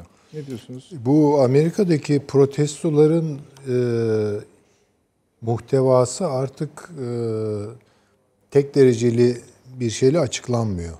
Zaten yani olacağı da buydu, beklenen de buydu ama e, cumhuriyetçi bir reaksiyon da var Trump'a karşı. Bunu görmek durumundayız. Yani cumhuriyetçilerin de içinden gelen bir reaksiyon var. Hatta tek bir reaksiyon değil birkaç reaksiyon var. Yani mesela bazı aşırılar, cumhuriyetçiler, onların örgütleri falan da var. Şimdi aklıma gelmiyor isimleri ama işte böyle milliyetçi e, Şartlı Şey- değil onlar. Ha. O kadarını bilmemiz gerekiyor. ya onlar Trump'ın yeteri kadar duruma vaziyet edemediğini söyleyenler Hayıflananlar. var. Hayıflananlar var. Bir kısım cumhuriyetçiler abi Trump çok ileri gidiyor diyor. Yani işte mesela savunma bakanı değil mi yani kendi adamı sonuçta. Ee, Trump'ın pozisyonunu bence esas riske sokan şey budur. Yoksa demokratlar çok zayıf yani. Demokratlar ne yapacaklar işte V for Vendetta maskeleri takacaklar. Ee, biraz gösterileri tiyatral duruma çevirecekler vesaire. Ee, bunu bunu kanırtıyorlar. Yani Amerika'da Trump'ın kazanmasını istemeyenler kimlerse o konuda çok spekülasyon. Sadece demokratları bir kaldıraç olarak kullanmıyor artık. Bence cumhuriyetçileri de kullanıyor. Bunu göğüslemesi lazım Trump'ın. Ama Trump Ee, Şimdi mesela Seattle'daki olayı söylediniz. Seattle'daki olayın arkasında ne var yani? O oraya girenler kimlerdi? O kadar heterojen kalabalıklar ki bunlar. Gayet. Ama farklı farklı e, üflemeler var bu harekete. Ona farklı istikametler kazandırmak. Belki bir eyaletteki ayaklanmayla öteki tutmuyor. Yani ötekinin motivasyon kaynakları tutmuyor. Veya bunların arkasındaki e, rüzgar kaynakları veya enerji kaynakları farklı şeyleri e, düşünerek e, bu kitleleri agite ediyorlar veya sokaklara salıyorlar. E, bir kere çünkü manipülasyon var yani bunu böyle çok spontan kendiliğinden olan bir e, süreç değil bu. Onu biliyoruz. E, dolayısıyla İsrail'in buradaki Efendim? İsra- İsrail'in buradaki rolü ne acaba? İsrail'in mi? Var mı yani daha doğrusu? Vallahi yani eğer Trump'ı sevmeyenler varsa, istemeyenler varsa vardır ve bunların Mossad'da uzantıları ve CIA'deki işbirlikçileri varsa vardır tabii ki ama ben bunun çok ciddi bir şey Ya olacağını demokratlar le- açısından yani demokratların kazanması İsrail için bir felaket. Aa tabii çok doğru. Yani e, demokratlar kazanırsa bakın Trump'ın kaybetmesine e, İsrail de üzülür. Yani şunu mu diyorsunuz? Aslında demokratlar kazanmasın noktasında Türkiye ile İsrail Ya arasında Obama Evet, nerede, evet, tabii, Ob- tabii yani. Obama Anlayış neredeyse Filistin'i var. tanıyordu ya. Tabii bunları kendi aralarında O noktaya tartışıp geldi. bir e, şeye oturtarak ortak bir e, Tabii, tabii vaziyete almaya dönüştürmüyorlar tabii ama kendiliğinden çıkıyor işte. Hani kümelenmeler var, böyle paralele düşmeler Günlerin var. köpüğü gibi bir şey Evet yani. yani. Ama bu yani Rusya, Türkiye ve İsrail e, Trump'ın e, kaybetmesi ama hangi İsrail? Tabii şimdi onları sormamız lazım. Yani Çin'e meyleden e, İsrail düşünüyorsak bundaki karar alma süreçlerini o zaman demokratların gelmesini isterler. Ama pro İran davranmamak koşuluyla. Onu da ileri sürerler yani. Çünkü onların planları biraz oralarda kısa devre yapıyor yani İsrail'in bakışıyla. Ee, Şeyi de hani e, söylemek Lütfen. e, estağfurullah. Şunu da söylemek isterim. Ee, Amerika Birleşik Devletleri'nde eğer Trump kaybedecekse demokrat yükselişten dolayı kaybetmeyecek. Yani tam tersine cumhuriyetçilerin içindeki o asit etkisini gösteriyorsa kaybeder. toksik bölümden bahsediyoruz. Evet. Yani onu şimdi göğüslemek zorunda. Şu an Trump'ın bence kavgası cumhuriyetçilerle. Cumhuriyetçileri derleyip toparlayıp onlara hakim olabilirse mesele kalmaz. Ne Yani kazanacağını düşünüyorsun. Yoksa demokrat oylar yükseliyor falan ben bunlara inanmıyorum. Şey yok. Açıkça Evet, öyle gözüküyor ki gittikçe de azalıyor o zaman. Avni abi. Şöyle bir şey var. Amerika bir korku tünelinden geçti yani. Veya geçmekte. Artık Geçmekte son daha dönem. bence. Ya daha henüz bitmiş değil ama bir dehşet tablosunu gösterdiler Amerikan halkına. Bu göze alınır bir şey değil Amerikalı Amerikalılar için. Tabii. Yani bir e, Amerikan rüyası diye sahneye çıkmış bir devletin efendim Amerikan ben Amerikan vatandaşıyım diye dünyanın dört tarafında hava atan bir milletin lan hastane hastane yok. Bilmem neyim bilmem ne yok. İş işsizlik diz boyu bilmem ne. Bütün bu noktaya e, geldiğini, gelebildiğini ve gelecek yani tünelin ışığı, ucunda ışığı da sadece Trump'ın bir fotoğrafını görüyorlar o kadar. O kadar. Başka bir şey yok yani şu anda. Yani demokratların söylemleri ne üzerine kurulabilir? Özgürlükler, değil mi? İşte İşte çevre falan. Çevre vesaire. Bugünkü konjonktürde Amerikalıya, sıradan Amerika'ya özgürlük dersiniz istikrarsızlık anlar bu ondan. Başka bir şey anlamaz. Al diyor gördük diyor adam. Tabii ya. tabii. Onun için sermayeleri de bu işe Şimdi pek yatkın değil. Adam ölmüş o değil. çocukcağız yani o zenci çocuk ölmüş. Altın tabutla gömüyorlar. Efendim 10 soytarılık tane var. 10 tane 15 tane yerde cenaze töreni bilmem ne filan yani Yani ben bir de, şimdi Allah e, ne diyelim taksiratını Toprağı, affetsin, evet. toprağı bol olsun. Kaç yer- kaç yerde dinince dinlensin var, falan. Ama bir hırsızlık sicili var, uyuşturucu sicili, Her şey uyuşturucu var sicili canım. var. Yok, yok. Yok yok ama öyle bir anlatıldı ki yani az daha NBA yıldızı olacakmış, biraz hakkı yemiş. Aslında çok e, iyi bir insanmış. Yani kör öldü, badem gözlü oldu gibi bir şey vardır önümüzde. Böyle saçma sapan bir şey vardı orada. Ayarsız bir sunum vardı. Halbuki onu insan olarak anlatsalar her şeyle çok daha bence inandırıcı Hocam olurlardı. zaten o polisin davranışı zaten başlı başına Yeter zaten. ha- yani. hayır Adamın deme. Bu, bütün bu- günahlarını buna- siler yani evet, zaten. adam Onun için oğlanın harcayacak. bütün günahlarını siler evet dediğiniz gibi. Tartışma dışı bir şey çünkü o. Mesela siz dediniz ya Cumhuriyetçiler meselesini. Seyircilerimiz anımsayacaktır. Açılışta konuşmuştuk ya bu Amerika'daki üsler meselesi. Yani e, Trump o üslerin isimlerinin değiştirilmesini istemiyordu. Komutanlar tabii, tabii. değişmesini istiyordu. Tabii, tabii. Değişmesini isterken de şimdi bu zamanlamada onu getirdiler. Doğal olarak buna birinin karar vermesi gerekiyor. Ne olacak? Burada yetkili olan da e, Amerikan Senatosu'ndaki Silahlı Hizmetler Komisyonu. Bundan iki buçuk saat kadar önce onlar bir karar verdiler. Değiştirin. Yani Cumhuriyetçiler, hepsi oradakilerin çoğu Cumhuriyetçi. Değiştirin Trump'a rağmen isimleri. Tabii, tabii. İşte böyle yapıyorlar yani. Tabii. Yani şimdi böyle bir dalga başladı. Bunu görmemiz lazım. Yani e, bu da yeni olan bir şey, yeni bir hadise. E, Trump kaybedecekse de bu yüzden kaybeder. Hocam şeyin e, Christoph Kolomb'un heykellerini deviriyorlar ya. İlginç, o da ilginç. Tabii tabii. Peki. Taşans Hocam buyurunuz. Bu bölümü heyecanla mı bekliyordunuz bilmiyorum ama Yani e, şöyle tabii e, bazı dönemler var ki insanlık tarihinde normali yeniden kurarlar dedim biraz önce konuşmamda. Şimdi e, şöyle söyleyeyim eğer ki Biden kazanacak olursa Kasım'daki seçimi şanlı Seattle direnişi olarak alınacak. Tabii.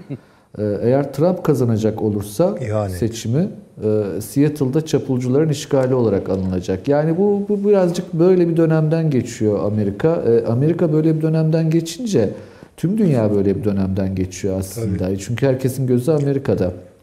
Yani e, şöyle söyleyeyim, hani sadece stratejik düzlemde değil, toplumsal yaşam, kültürel kodlar, gündelik hayat vesaire her şeyin aslında bir yeniden sorgulandığı bir dönemden geçiyoruz. Hep söyleme şansı buluyorum. Hani eskinin e, ölemediği, yeninin doğamadığı dönemler bunlar aslında. insanlık tarihinde hep olmuştur.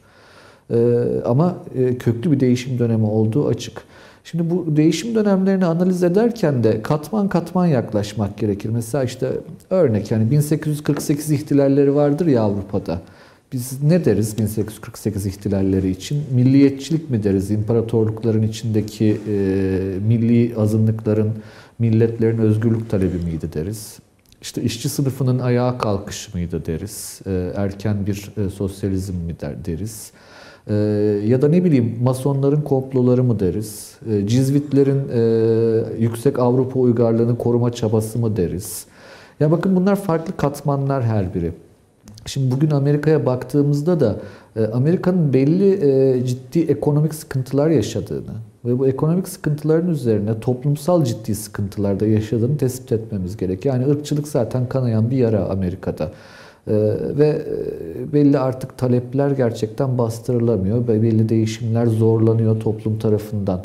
E, Bunun yanında tabii ki e, şeye baktığımızda hani ekonomik yapıya baktığımızda e, bu tarz olaylarda genellikle hani işsizliktir temel faktör. Korona ile beraber işsizliğin ciddi bir artış gösterdiğini de tespit etmemiz lazım. Başka bir şey kültürel kodlar kırıldı Amerika'da. Yani kamplaşmış, kutuplaşmış bir Amerika'dan bahsediyoruz. İki tane Amerika var aslında şu an. Hani bir geleneksel Amerika bildiğimiz muhafazakar değerlere sahip. Ee, Bir de yeni bir Amerika kurmak isteyen kesimler var. Bunlar hani şey değil, siyasi yapılardan bahsetmiyorum. Yaşam şekillerinden bahsediyorum sadece. Bugün bir New Yorkluyla e, bir Nevadalıyı yan yana getirdiğinizde gerçekten konuşacak çok bir şeyleri yok. Yani ikisi de Amerika mıdır bunların diyecek olursanız e, zor yani bunların ikisine de Amerikalı olarak tanımlamak. Şimdi bunların üzerine tabii ki E, bir de ideolojik farklılaşmalar var. Bu ideolojik farklılaşmayı da şöyle algılamayalım. Yani ideolojiler ne yazık ki yok oldu. E, ne yazık ki diyorum e, işte yok olduğu için zaten bütün bunları yaşıyoruz. Mesela sol diye bir kavramın eksikliği dünyada e, bugünkü e, bu fecaati yaratıyor. Çünkü solun olmadığı yerde sağ da kendini tanımlayamaz duruma düşüyor e, vesaire. Hele Amerikan solu tabiri zaten oksimorondur. Yani Amerika'da sol gerçekten çok başka bir şey. Sadece liberalizmi temsil eder. Bunun üzerine bir de yeni teknolojik gelişmeler var. Bunun üzerine bir de yeni gelişen sermaye grupları var. Yani yeni zenginleşen insanlar adam garajında otururken işte bir internet hattıyla bir şey yapıyor falan filan ve birdenbire Amerika'nın en zengin üçüncü adamı oluyor. Şimdi bu bu adamlar çok doğal olarak siyasette de söz isteyeceklerdir. Yani nasıl ki 1789 Fransız devrimi böyle olduysa yani zenginleşmiş burjuvazinin aristokrasiden güç talebi ise Amerika'da da böyle bir e, yarılma olduğunu sermaye grupları içerisinde tespit edebiliyoruz. Bütün bunların tabii ki dünyaya yansıması da hem ahlaki kurallar, hem hayata bakış yani ideolojik anlamda hem toplumsal dinamikler ama aynı zamanda jeostratejik düzlemde. Şimdi jeostratejik düzlemden devam edecek olursak hani açık bir şey var. Çin bu noktada e, kendisini tırnak içinde söylüyorum ilerici olarak konumlandırıyor. Çünkü bu liberal düşüncede biliyorsunuz bir ilerleme düşüncesi vardır. Hani biz tarihçiler hiç sevmeyiz öyle ilerici, gerici vesaire. Çünkü bunun ilerisi gerisi neresi bilinmez tarihte ama liberaller progresifdir. E, dolayısıyla ilerici olarak görüyor Çin kendisini. Ve yeni teknolojilerle yeni toplumsal yapı diyor ama bu Amerika'daki New York'ta oturan e, beyaz yakalının talep ettiğiyle hiçbir alakası yok ama e, insanlıkta böyle saçmalar. E, kendi istediğinin o olduğunu zanneder vesaire olur öyle şeyler diyorum. Şimdi orada tabii hat oluşuyor. Yani Çin, Pakistan, İran hattı dendi. Ee, ve Amerika içinde Demokrat Parti'ye yoğunlaşmış bir e, yapıdan bahsediyoruz. Cumhuriyetçilere baktığımızda da işte Orban, e, Johnson, e, Netanyahu, Erdoğan, Putin, Modi hattını oluşturabiliriz.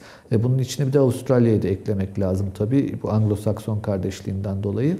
Orada da Çin'i kuşatma ve muhafazakar değerler çerçevesinde de dünya tahayyülü var. Onun da tabii ki düşün babası olarak da Kissinger'ı koymamız lazım. Şimdi antifaya e, ve sokak eylemlerine geldiğimizde Amerika'da e, çok açık, seçik bir şekilde bu katılım sayısının çok düşük olduğunu tespit etmemiz lazım Tabii, defa. Yani bu öyle zannedildiği gibi Amerika sokaklara çıktı değil.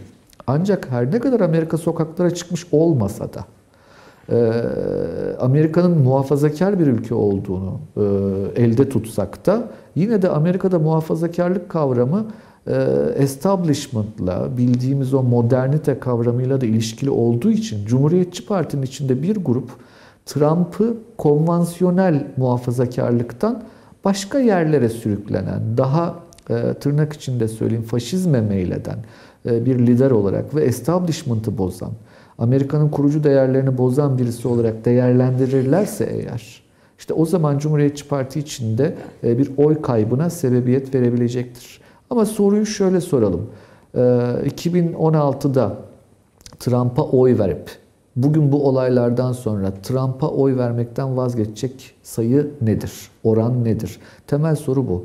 Çünkü demokratlara oy verme tercihinde bulunacaklarını zannetmiyorum. Ee, demokratlardan peki tepki duyacak olan var mıdır? Yani law and order dedi ya yani kanun ve düzen dedi Trump. Bakın bu gerçekten caziptir insanlık için hele Amerikan toplumu gibi muhafazakar bir toplum için caziptir ama e, o aradaki yüzde üçlük, beşlik bir oran var ki gerçekten onun hesaplanması çok zor. E, ama e, Trump'ın tabii büyük şansı e, rakibinin Biden olması. E, Biden'ın yeni bir şeyler vaat edemiyor olması Amerikan toplumuna. E, sadece bahsettiği aslında e, sizin bildiğiniz statükoya ben sahip çıkacağım diyor ama e, hatta yenilikçilikten de çok fazla bahsetmiyor. Ee, o anlamda e, Trump'ın e, Biden'dan dolayı şanslı olduğunu ama bu e, gösterilerin de yıprattığını bir anlamda tespit etmemiz lazım. Ve zannediyorum ki yani hem Türk dış politikasına bakarken hem genel olarak uluslararası siyasete bakarken de artık herkesin oraya baktığını görmemiz lazım. Yani Netanyahu Trump'ı destekler, kaçınılmaz. Peki. Putin Trump'ı destekler ama Çin'in açık şekilde Trump gitsin diye elinden geleni yapacağı ortadadır. Evet. E, Bolsonaro Trump'ı destekler ama Arjantin zannediyorum Demokrat Partili bir iktidarı görmeyi tercih edecektir. Brezilya. E, vesaire. Hani bu örnekler çoğaltılabilir. Ve bakın gerçekten e, Türkiye açısından da baktığımızda bir tarafa oynamak yani sadece bir tarafın destekçisi olmak gibi bir hataya Türkiye'nin düşmediğini tespit edebiliyoruz ki bu son derece önemli. Çünkü gerçekten kurucu dönemler bunlar. E, Yani Brexit'i hiç küçümsemeyelim lütfen. E, Dünyada son dönemde yaşanan bu son e, Trump döneminde yaşanan gelişmeleri hiç küçümsemeyelim. Trump'ın ikinci bir döneminde bambaşka bir dünya olacak. Eğer Trump seçilemez, Biden seçilirse taban tabana zıt bambaşka bir dünya olacak ve bu sadece uluslararası politikayı değil, ahlaki olarak pek çok normu değiştirecek. Siyasal doğrularımızı, yanlışlarımızı değiştirecek. Çünkü e, hakikat tektir, doğrudur. Yani benim için akademi bir akademisyen olarak tektir. Sizler için, gazeteciler için öyledir. E, ama e, geniş kitlelere baktığınızda bunlar siyas- siyaset tarafından belirlenir. Konjonktürün e, ağırlığını, zamanın ruhunu gözden kaçırmamak gerekir. Siyaset yapıcılar da o çerçevede e, yaklaşırlar. Dolayısıyla siyaset, siyasal doğrular değişir, dönüşür. E, Yani taban tabana zıt 180 derece e, birbirine ters konularda e, savunulabilir Peki duruma hocam. gelir. E, Zannediyorum hani e, böyle dönemlerde o yüzden bloklara yakın hissetmiyoruz cümlesi önemli bir cümledir diye değerlendiriyorum ben Türkiye adına. Peki teşekkür ediyorum hocam. Durum bu. Yani bir kısım e, aman sonucu görelim başımıza iş gelmesin diyor. Bir kısım da işte bu şekilde bütünlüklü analiz yaparak yani bu yeni bir dönemdir. Tabii, bu tabii. yeni dönemde böyle her tarafa atlamak çok tehlikeli değil. işlerdir. Biz hem fırsatlara bakalım hem risklere bakalım. Elimizi ona göre doğru. kuralım dönemidir. Tam doğru. Evet şöyle yani doğru. Eskiden olsa bu yani bu Maoist hmm, Çin şeyine baksa bugünkülerin bugünkü Çin yöneticilerinin hepsini revizyonist damgasıyla hepsini ipe götürürsün yani bunların. Yani o Çin devrimini gerçekleştiren düşünceyle e, uzaktan yakına alakası yok bunların. Tamam. Ama bu yeni düşüncenin bir ideolojik şeyi de yapılmadı. Analizi de ta- Çin'e yani Çin tarafından yapılmadı. bu. O yüzden Belki de yapılamaz hep ayakla- yani. Aya- e, değil tabii canım yani ayakları yere basmayan bir yapı var şu anda. İdeolojik olarak var. Bir taraftan Komünist Partisi idare ediyor Çin'i. Öbür tarafta böyle bir numara var. Güzel Yani- bir sentez oldu Evet galiba. yani böyle. Altı kaval üstü şahane bir durum var. Ee, o yüzden Çin'le yan yana gelmek her ülke açısından sıkıntılı. Sıkıntılı, Yani riskli. en Çin'le içli dışlı olması gerektiğini düşündüğünüz İran mı? İran dahil buna. Elim hakkı. mecbur kaldı. Yani mecbur oldu. Ama o dahil. Çekincelerini bir tarafa hepsi koyar bunlar. Ee, o bakımdan ben Türkiye'nin tavrının doğru bir tavır, yaklaşım olduğunu kanaatindeyim. Yalnız bir şey e, söyleyebilir miyim? Tabii, tabii, Bilmiyorum. rica Yani ederim. vakti de ziyan etmek istemem. E, şimdi Taşansı Hoca'yı dinlerken yani biraz böyle içim tuhaflaşarak bir fikir geldi aklıma. E, şimdi Metternich Avrupası inşa ediliyor. Yani işte o Taşansı Hoca'nın dediği 1820 ihtilalleri, evet. 1830'lar, 48'ler dalga dalga gençler geliyor. Yani gençler siyasete yeni bir soluk, yeni bir boyut kazandırmak iddialarında. Arkalarında Fransız devrimi var, arkalarında Russolar bilmem neler, filozoflar. Şimdi sonuçta büyük bir kavga ve işte Turgenev'in romanında olduğu gibi yani babalar ve oğullar. Evet. Yani Bazarov mu kazanacak yoksa And- Andrey'in amcası mı kazanacak filan. Şimdi sonuçta yaşlılar kazanıyor. Çok ilginç değil mi yani? Şimdi Metternich barışı yaşlı Avrupa genç Avrupa'yı ezip geçiyor. Fakat şöyle bir e, değerlendirmesi oluyor Metternich'in yani işte toplanıyorlar filan yaşlı adamlar, devlet adamları filan.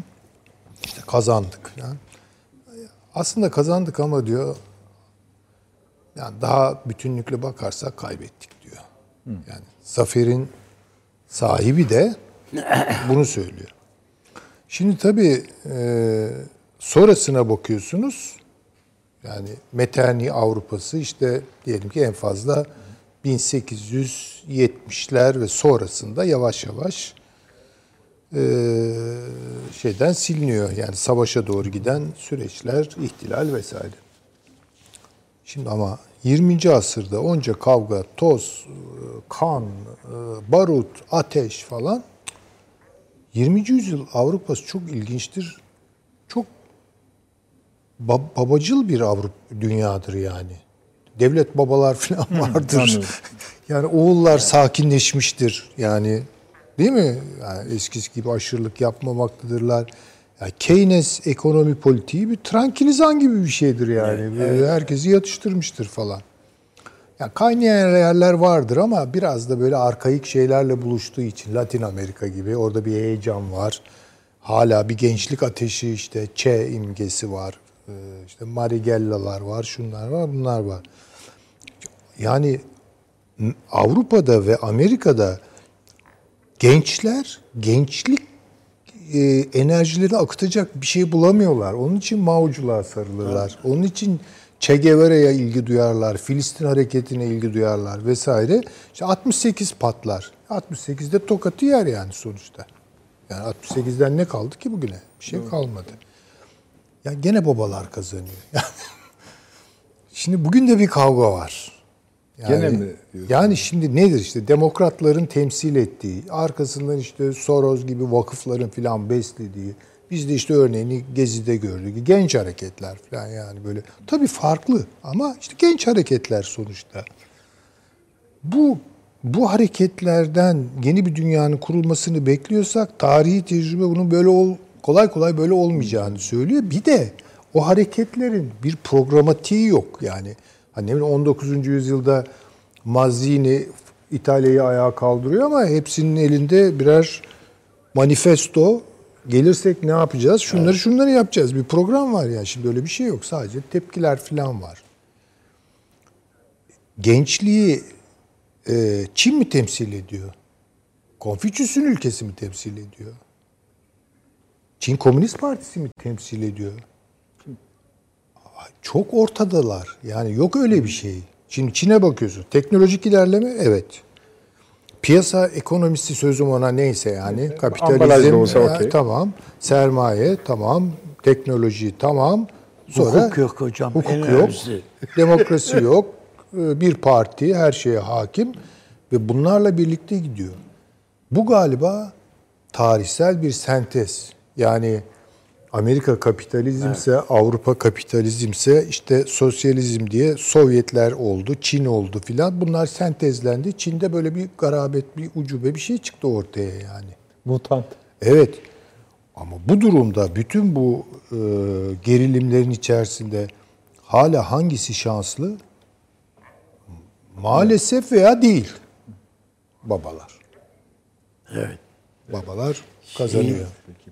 Karamazov kardeşlerde hangi birisi biliyorsunuz dindar bir karakter kardeşlerden birisi. O yani kilisede papaz. Efendim, diğeri de tam pozitif. Yani hiç bilmez bu güçleri tam düşman yani. Tartışıyorlar filan da bu papaz olan diğerine diyor ki bana aritmetik olarak Tanrı'nın var olmadığını kanıtlasam bile İsa'yı seviyorum diyor. O artık tartışılmayı tartışmayı bitiren bir şey çünkü. Evet. Şu anda siz hala Trump'ın kazanabileceğini düşünüyor musunuz? Ben düşünüyorum. Yani hani önde olduğunu düşünüyorsunuz. Yani tabii şimdi bunu söylemek Yok, zor hayır, bir Şunun veri. için soruyorum bunu. Ama- Avni Bey'e de soracağım, Evet. Taşan Hocam'a da sorup öyle kapatacağım. Daha önümüzde biliyorsunuz bu olaylar da yükselecek, tuzaklar da yükselecek. Bu herkesin Amerikan seçimlerine, Trump'ın akıbetine bakma konsantrasyonu ve yoğunluğu da artacak. Artacak. Yani hele bir 10 gün, 15 gün, bir ay kala görün siz. Türkiye'de de aynı şey olacak. Onun için biraz akışı kestirelim için biraz bunları soruyorum. Yani haftaya siz vallahi 4 gün önce durum böyleydi rahatlıkla diyebilirsiniz yani. İşte söylediğim gibi eğer belli bir mekanikte yürürse yani işte rahatsızlıklar olacak, kitleler isyan edecek, yağmalar olacak Zaten vesaire. koydunuz Ha yani yani, o zaman zaten bunların hepsi Trump'a yazar yani. Bu Trump Siz diyecek ki e, Taşan Su Hoca'nın dediği gibi law and order diyecek yani. Yasa ve düzen diyecek ve bu kazanacak. Peki. Ama bu Trump'a yönelik eleştirilerin bir kısmı dediğim gibi cumhuriyetçilerin içinden gelirse, yani oraya bir asit damlarsa, onun yol açacağı korozyon onu bilemem. Ama bunu niye yapsınlar? Yani çünkü bunun çok da devam edeceğini aklım almıyor. Yani cumhuriyetçiler de şu hesabı yapacaklar sonra. Yani demokratlara mı hizmet ediyoruz? ya bunlar mı gelecek? Yani onun için bence bu çok uzun süreli değil ama derinleşirse Trump'ı tehdit eder. Siz aynı durum. Ben Trump'ın e, en büyük problemi şu anda adam medya ile kavgaya oturdu. Esaslı bir kavgaya oturdu. Yani bu problem derken avantaj da olabilir. Amerikan halkı sevmez yani. Bu New York Times'lar filan filan onların ne olduğunu Amerikan Acaba yani biliyor. Trump'ın seçmenine etkisi oluyor mu New York Hiç Times'ın? etkili olmaz. İşte Tam tersine ol- ol- pekiştirir. Yani dezavantaj da olur, avantaj da olur. Tabii, tabii. Çok büyük bir hata yapmaz ise Trump önümüzdeki döneme ilişkin. Fahiş yani işte bir takım hatalar var yani veya bir takım işte belgeler açıklanıyor, bir şeyler oluyor. Ya çok belden aşağı bir kavga devam Tabii ediyor canım, esasında iş şu anda yani. Amerika'da. Bizim kendi sorunlarımız olduğu için biz kendimize bakıyoruz. tabii. Evet. Orada bayağı bir çok, uluslu kavga yani- dönüyor yani. Evet öyle. Bu burada ama bu mesela Trump'ı çok etkilemedi. Yani gördüğümüz kadarıyla normalde hiçbir bir devlet başkanını e, şu açıklanan şeyler atılmış da açılmış dava şeyler filan bakın o taciz dava şeyleri filan Normalde Ortalığa- iflah etmezdi diyorsun. No- normalde adamı yani karga tulumba götürecek şeyler yani bunlar. Ee, ama etkilemedi bunlar. Peki. Bunlar etkilemediyse ve önümüzdeki dönemde çok böyle fahiş bir hata yapmaz, yapmaz ise çok uzak ihtimal Salı günü görüyorum revize kaybetmesi. edebilirsiniz yani görüşlerinizi. Bilmiyoruz ki ne olacak. Hayır hayır bile, onu Hani zaten bilemeyiz yani bir bir olağanüstü bir Şu an şey siz olur, önde değişir. görüyorsunuz. Ben şu Tamam, anda ben- önde görüyorum. Peki. Taşansı Hocam sizden de iki cümle rica ediyorum. Yani ama şeyi söyleyin yani siz önde görüyor Ee, musunuz? iki cümle Şimdi e, Avni Bey'in söylediği, bahsettiği konu e, çok ben çok severim. Alyosha karakteri e, Karamazov kardeşlerden. Ha, evet. İvan Evet. Kardeşlerden en küçük olan kilisede, manastıra giden Alyosha. O şey Dostoyevski orada kendisini anlatır Tabii aslında ki. bir şekilde. Çünkü kendisi de önceden ateist Dostoyevski'nin de şey der o. ben önce İsa'yı sevdim. Onun aracılığıyla Tanrı'yı gördüm. Onun aracılığıyla kiliseye gittim. E, Dolayısıyla hani o İsa sevgisi Hristiyanlıkta Alyosha'da belirlenir ve Karamazov kardeşlerin temel e, iddiası ben bunu yazmıştım böyle yıllar evvel bir sembolizm vardır orada. E, diyor ki baba çok kötü olabilir. Baba dediği çar. E, korkunç bir adam olabilir. yani, en küçük çocuğuyla mı Alyosha, ona da. Alyosha diyorlardı. Onunla mı paralellik kuruyorsunuz? E, Alyo, Alyosha şey kiliseye giden oğlu. E, Tamam Ivan işte var, Çar'ın var. yani E, on- bir de Alyosha 17'de var devrilen işte. en küçük e, Çar'ın Ha, en yok küçük yok o değil. Yok, Yok, tamam. onunla alakası yok. Peki peki. Buyurunuz. Ro- romandaki baba karakteri Tamam, temsil tamam. eder. Ee, Bir batıcı karakter vardır, liberal. Bir muhafazakar karakter vardır, e, panslavist. Ee, Bir de şey karakterimiz var işte, dindar karakterimiz. Bir de gayrimeşru oğul var. Ee, Gayrimeşru oğul da yeni oluşan proletaryayı temsil eder. Evet. Ben böyle iddia etmiştim ben sembolizmi. En sonunda gayrimeşru oğul liberallerin e, telkinleriyle babayı öldürür. Ama aile dağılır. Yani e, Dostoyevski'nin orada şey Bolşevik devrimini öngörmüştür takribi 50 sene kadar evvel. Yani yine de yapmayın diyor. İyi kötüdür, şudur budur ama e, dolayısıyla hani o e, değişimler birazcık böyle muhafazakar reflekslerde e, çok çok önemlidir bence. Orada Süleyman Seyfi Hoca da zihnimin gerisini okudum. Metternich E, Metternich herhalde bugün Kissinger. Evet. E, Çünkü o da diyor ki durduralım birazcık zamanı. Yani eninde sonunda kaybedeceğiz. Tabii ki değişim olacak ama paldır küldür olmasın. E, Şimdi burada e, daha önce söyleme fırsatı buldum. E, 19. yüzyıl gibi uzun bir yüzyıla girdi dünya aslında. Yani şehir çatışmaları, ondan sonra bu tarz alt üst oluşları daha çok göreceğiz. E, Trump da olsa, Biden da olsa göreceğiz. Bu başka bir dünyanın kuruluşu çünkü bir yüzyıl sürer. E, Onun rahatlığı içerisinde olalım ama e, Trump ve Biden seçimi önemli bir e, aşamadır burada. E, O noktada da e, ben şu an Trump'ın e, hala önde olduğu kanaatindeyim. E, Ama ama e, şu şerhi düşerek e, Cumhuriyetçilerin içerisinde bir kesim Trump tarafından korkutuldu. Yani o e, Trump'ın aslında var olan sistemi dejenere edeceğine dair bir korku. Yani başka yerlere savur, savurulacağına dair. Muhafazakar bunlar da doğru ama Çay muhafazakarlığın başka versiyonlarına savrulma korkusu oluştu. Eğer o korkuyu e, Trump tutup da establishment bakın benim önümü kesiyor e, deyip e, o establishment'ı Demokrat Parti'ye bağlarsa e, zannediyorum orayı konsolide edecektir. E, eğer biraz netameli davranıp tam e, dik yürümeyecek olursa da zannediyorum şüpheleri arttırır. O da Peki hocam. e, kaybetmesine sebep olur diye çok erken bir e, değerlendirme Daha çok konuşacağız Evet. inşallah hocam. Evet. Peki. Çok teşekkür ediyorum. Avni abi sağ olun. Sağ olun. Süleyman hocam teşekkür keza. ediyoruz. Taşansı hocam eksik olmayınız. Bakalım önümüzdeki salı günü Türkiye bölge dünyada ne gibi bir masamıza ne ne tür bir menü gelecek? Onları tekrar konuşacağız efendim. Geceliğin tekrarımız var. Yarın YouTube'dan tamamını izleyebilirsiniz yeniden ve salı günü saat 21'de inşallah yeniden huzurlarınızda olacağız. Biz şimdi sizin sosyal medyadan gönderdiğiniz yorumlara bakmaya başlayacağız efendim. İyi geceler diliyoruz. you